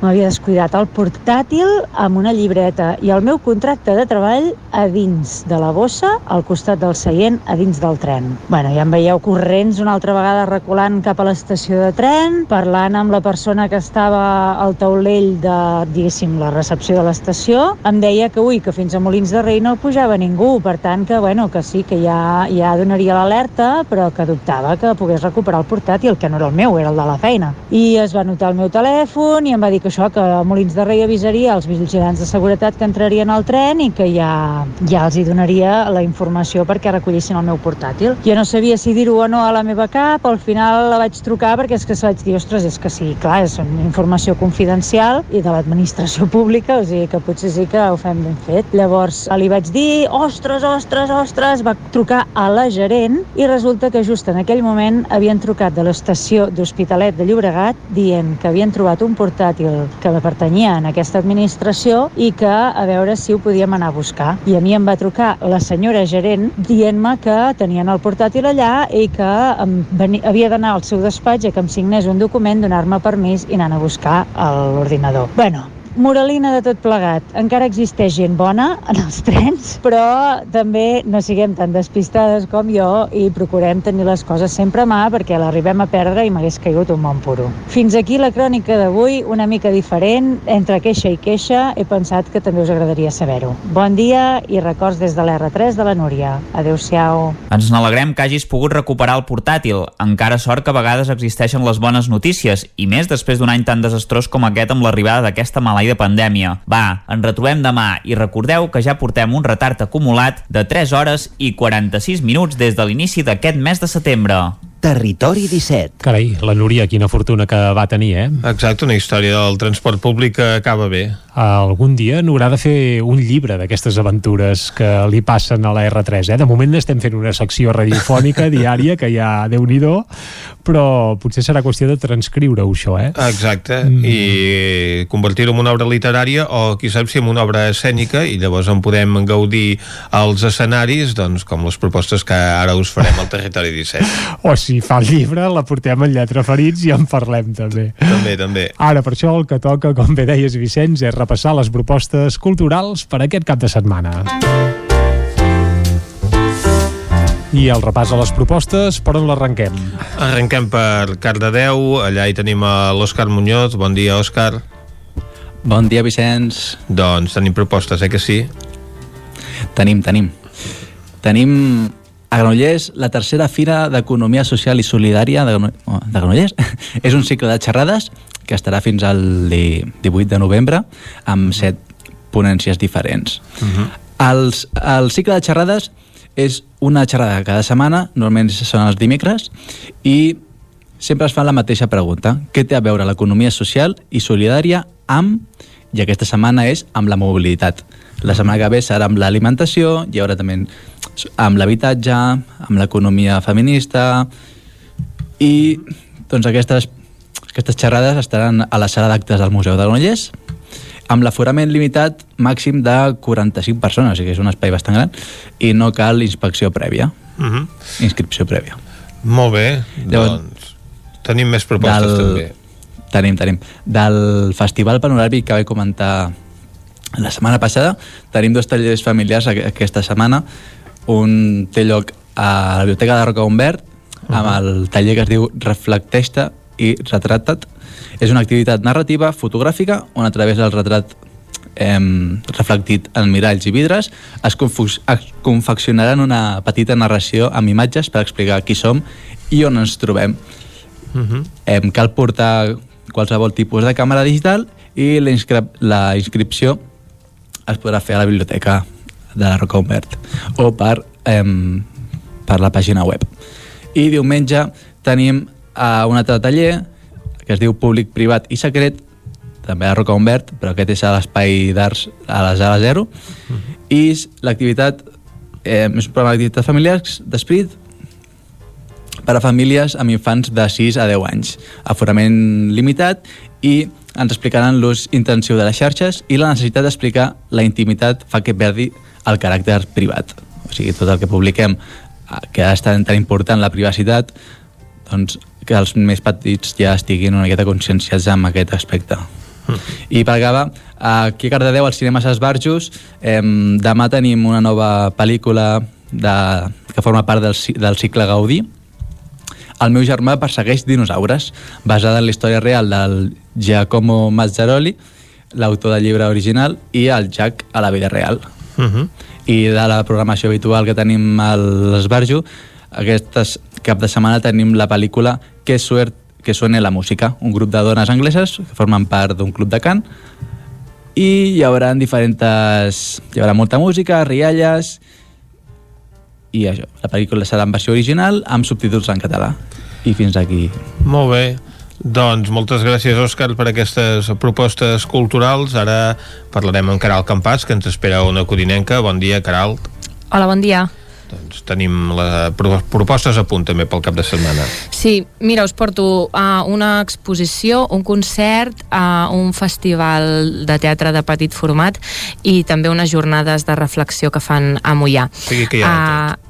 Sí, una mica de tot. A Caldes tenim... Bé, és una exposició que ja havia comentat, però es pot seguir veient l'exposició mm, Caldes de Montbui desapareguda al Museu Termàlia, eh, més aquest recull, aquesta mostra fotogràfica que sorgeix mm, del llibre de Raquel Castellà que porta el mateix nom de la que l'exposició i bé, són un recull de fotografies que mostren com era la població des de finals del segle XX fins al segle perdó, des de finals del segle XIX fins al segle XX. I aquesta exposició Caldes desapareguda es pot veure de dimarts a dissabte de 10 a 2 i de 4 a 7 i els diumenges i festius de 10 a 2. Després tenim música, aquest concert que us comentava a Sant Feliu de Codines amb l'entitat Incivic Zone ha organitzat un concert d'Eric Fuentes, que és el vocalista d'un Finish It Sympathy, Sympathy eh, que això és el, aquest diumenge. Faran una doble sessió, mm, una a les 6 i una a les 8, i bé, hi ha un aforament bastant limitat eh, de 20 persones. Eh, Poquetes. aquest concert... Hmm, perdó? No dic que poquetes, poquetes persones, efectivament, sí, sí. podran assistir Bé, a aquestes ah. sessions al concert. Exacte. Poques persones, sobretot bé, per al tema que ja coneixem tot, eh, restriccions del coronavirus, però tothom qui vulgui, qui s'afanyi, doncs podrà veure eh, l'Eric Fuentes en concert eh, aquest diumenge a Sant Feliu de Codines, al centre cívic. Uh -huh. Després tenim un festival de teatre, el Festival Test, que és a Santa Maria d'Oló, també és aquest diumenge, i es fan la, tres representacions teatrals a l'espai Amalosa a partir de dos quarts de set de la tarda. Les entrades tenen un preu de 9 euros a taquilla i 6 euros a anticipada. Es venen a l'Ajuntament de Santa Maria d'Oló en horari d'oficines. I bé, són tres peces de teatre. Uh, una és Iaia, que és una comèdia. L'altra és Mala peça, que també és una comèdia. I l'última és una peça de dansa contemporània que porta per nom Filar. Les tres actuacions tenen una durada d'uns 15 eh, o 20 minuts, més o menys. Llavors tenim aquest petit festival aquí a Santa Maria d'Oló mm. i finalment us comentava que hi ha unes jornades de reflexió. Aquestes jornades s'organitzen a l'Escola Pia de Mollà, les porta, bé, l'entitat que la gestiona és l'Associació Cultural Modiglianum i això serà el dissabte 24 d'octubre. Les jornades porten per nom l'estiuetge al Moianès i representa que reflexionaran una mica um, sobre aquesta qüestió. Uh, algunes de les ponències seran, per exemple, a les 10 del matí aquest dissabte 24 uh, parlarà Joaquim Puigvert i Solà de l'urbanització Universitat perdó, de Girona uh -huh. en aquesta xerrada que porta per nom a l'estiuetge a la Catalunya interior del 1860 al 1936 uh, més tard a dos quarts de dotze um, parlarà Jaume Clarà de l'Associació Cultural Modiglianum, l'entitat organitzadora uh -huh. amb una conferència que porta per nom l'estiuetge a Castellterçol i Mollà pròpiament fins al 1936 i també uh, finalment es, es clourà la, la jornada amb una taula rodona eh, amb l'assistència de diverses personalitats a dos quarts de cinc de la tarda. Eh, per poder assistir cal inscripció prèvia, que és gratuïta i no concreta en quines places limitades hi ha, però sí que diuen que, que l'aforament és limitat i per inscriure-s'hi eh, s'ha d'enviar un correu electrònic a modilianum.org. Molt bé, doncs qui estigui interessat en aquestes xerrades ja sap el que ha de fer, mhm. -huh. apuntar-se per correu electrònic fins que s'ompli la capacitat del recinte. Exacte. Doncs moltes gràcies, Merci. Caralt.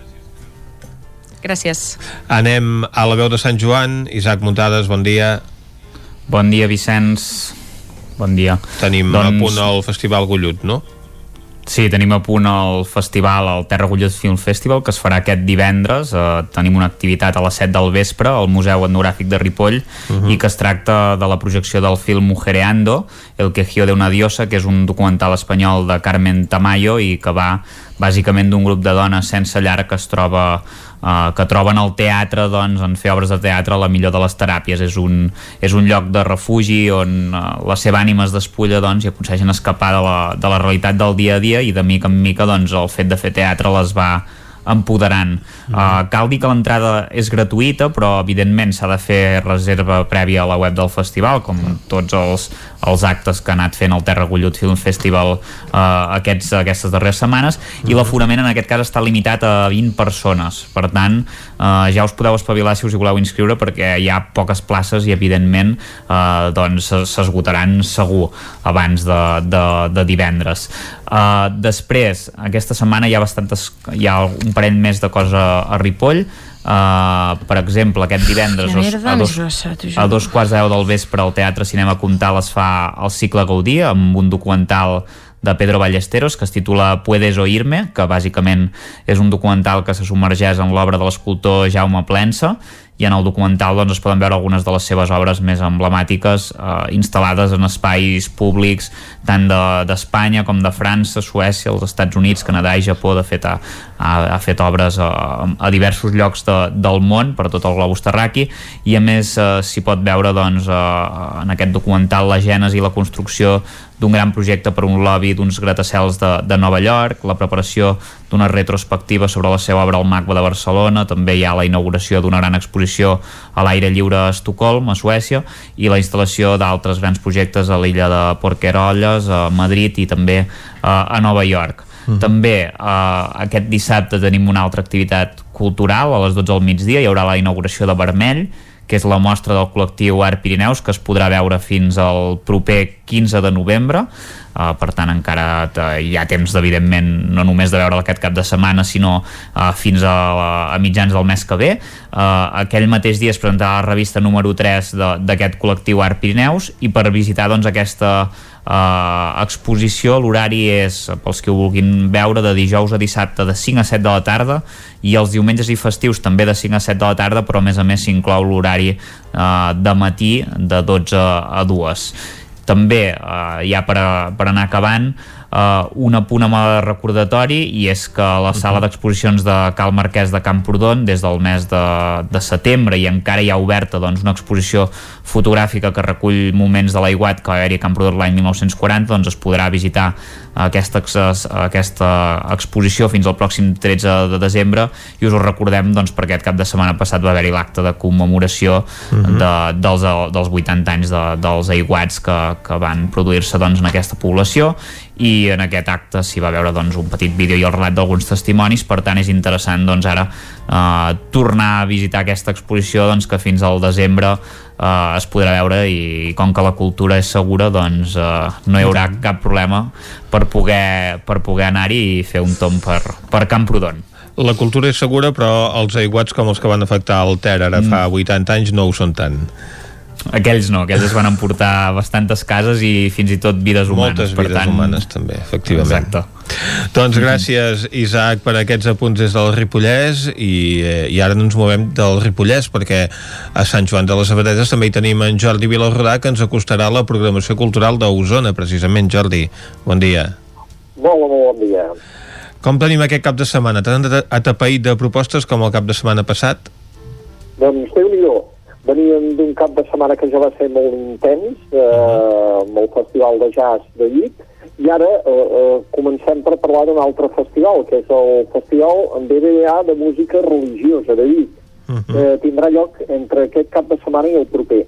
Eh, igual que l'anterior, és un festival que havia d'haver tingut lloc ja a la primavera. Aquest eh, es fa sempre per Setmana Santa, coincidint amb la Setmana Santa, i que va haver-hi un moment que semblava que ja no, no es faria enguany, però l'organització, que és eh, la, la Comissió de Cultura doncs, a les parròquies de la Pietat, de Sant Domènec i del Carme de Vic, amb l'Ajuntament, i gràcies uh -huh. al mhm. suport també dels patrocinadors, van decidir que sí, que el tiraven endavant, han adaptat eh, altres espais, eh, reduint alguns dels espais previstos i també doncs, eh, algunes de les propostes, perquè ni grans corals ni grans orquestres no hi poden ser, però que es pot fer aquest -huh. festival. I es fan dos caps de setmana, aquest dia el proper, amb dos escenaris, que són l'Església de l'Escorial, eh, que, -huh. que aquest festival podríem dir que l'ha gairebé descobert per, com a espai de concerts, i l'altre l'Església de Sant Domènec, amb totes les limitacions d'aforament i tot plegat.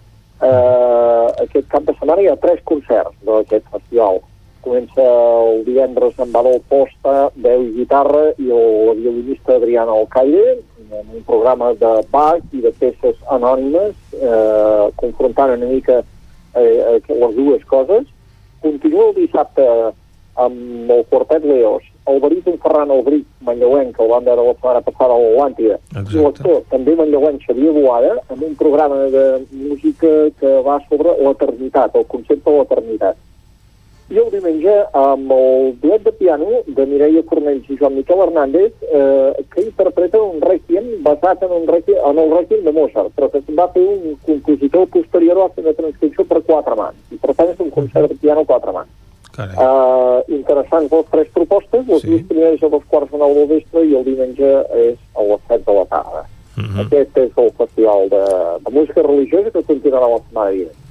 Però també tenim propostes a l'Atlàntida, aquest mateix dijous. Ivan Benet dirigint el seu primer espectacle com a director, que sí, uh, La lleugeresa i altres cançons, interpretada per Aida Osset. Això és aquest dijous a les uh, dos quarts nou del vespre a l'Atlàntida. Mm -hmm. uh, anem una mica de pressa perquè si no no tindríem temps perquè hi ha moltes coses però és que l'Atlàntida a més a més què dius ara? el, el divendres això era el dijous doncs uh -huh. el divendres a l'Atlàntida hi tenim obeses obeses amb la copla Verge Jove i el cor d'obeses per tant aquí Obeses a l'engròs, vaja.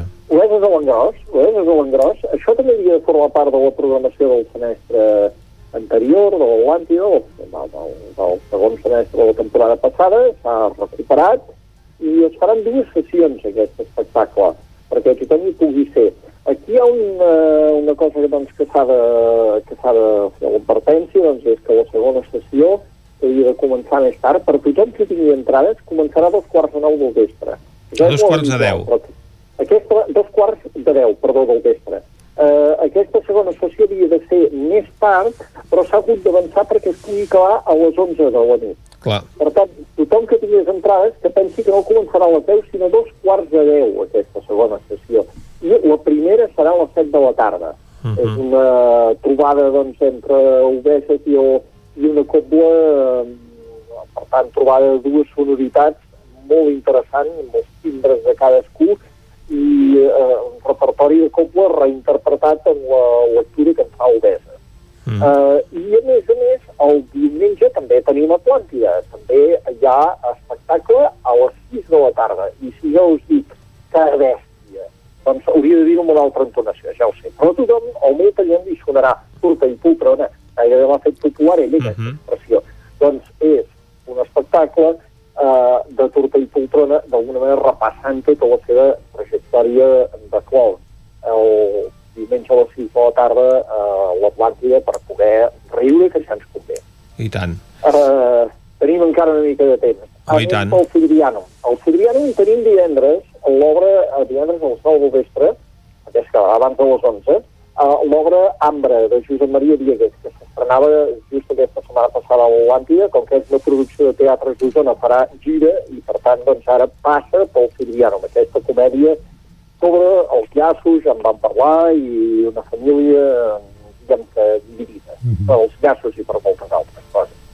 Uh, I el diumenge a les 6 de la tarda al Sirviana en tenim un espectacle de dansa per públic familiar amb una companyia valenciana, la Coja Dansa. Uh, Dansa per tota la família, eh? danses per tota la família. Però no només això, més coses. També tenim programació a l'Auditori Teatre de Call d'Atenes. I, uh, I tenim humor, també.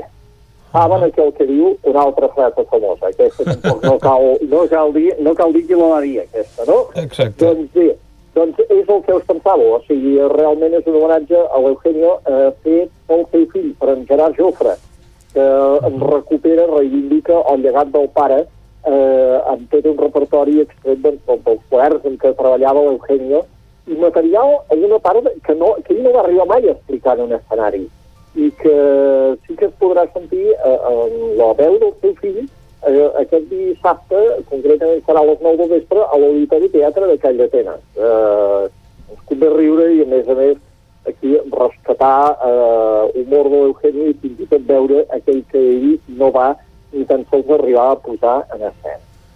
I eh, acabem eh, una mica més de teatre encara, serà en la programació dels teatrets d'Osona, que diumenge al Teatre Eliseu de Roda a les 6 de la tarda es podrà veure un muntatge que ja s'ha estrenat i que ja porta un temps circulant, que és un dia d'estiu de Corsia Teatre, una proposta d'una obra escrita per Lavomir Roque, eh, em sembla que em dic bé el nom de l'autor, dirigida per en Pep Simón, i amb en Jordi, que és Lídia Roig i en Joan Roura, repertori, per tant, intèrprets d'usonencs, que la posen en escena el diumenge a les 6 de la tarda al Teatre Liceu de Roda. Per tant, a veure, eh, em sembla que, que d'oferta cultural no en falta, tot i les circumstàncies, que la gent estigui al cas amb els horaris, això sí, i que tot acabarà abans de les 11 a la nit, perquè, perquè siguem 12 milions i puguem fer a casa l'hora. Perquè a aquella hora el virus se'n va a dormir ja. A hora el virus se'n va a dormir i tots, dormir també. Molt bé, doncs eh, gràcies a Jordi per aquest repàs a l'actualitat cultural d'aquest cap de setmana a Osona. Ja veieu que tenim una mica de tot, des de propostes teatrals, també de música clàssica, cinema amb el Festival Gollut, o música, en aquest cas música de rock i música de copla, uh -huh. a l'Atlàntida, amb Moveses i la Copla Berga Jove. Una ocasió, vaja, la penúltima ocasió en què es podrà veure aquest concert arreu dels països catalans, perquè només els queda una data a Gironella i han anunciat que això no es podrà veure mai més, per tant, si podeu, eh, feu-hi cap, que val molt la pena. I un final de gira a Barcelona també. També, però aquest serà sense coble, eh? Doncs així ho deixem, eh, acabem amb eh, Obeses al territori 17 d'avui. Doncs vinga, acomiadem-nos.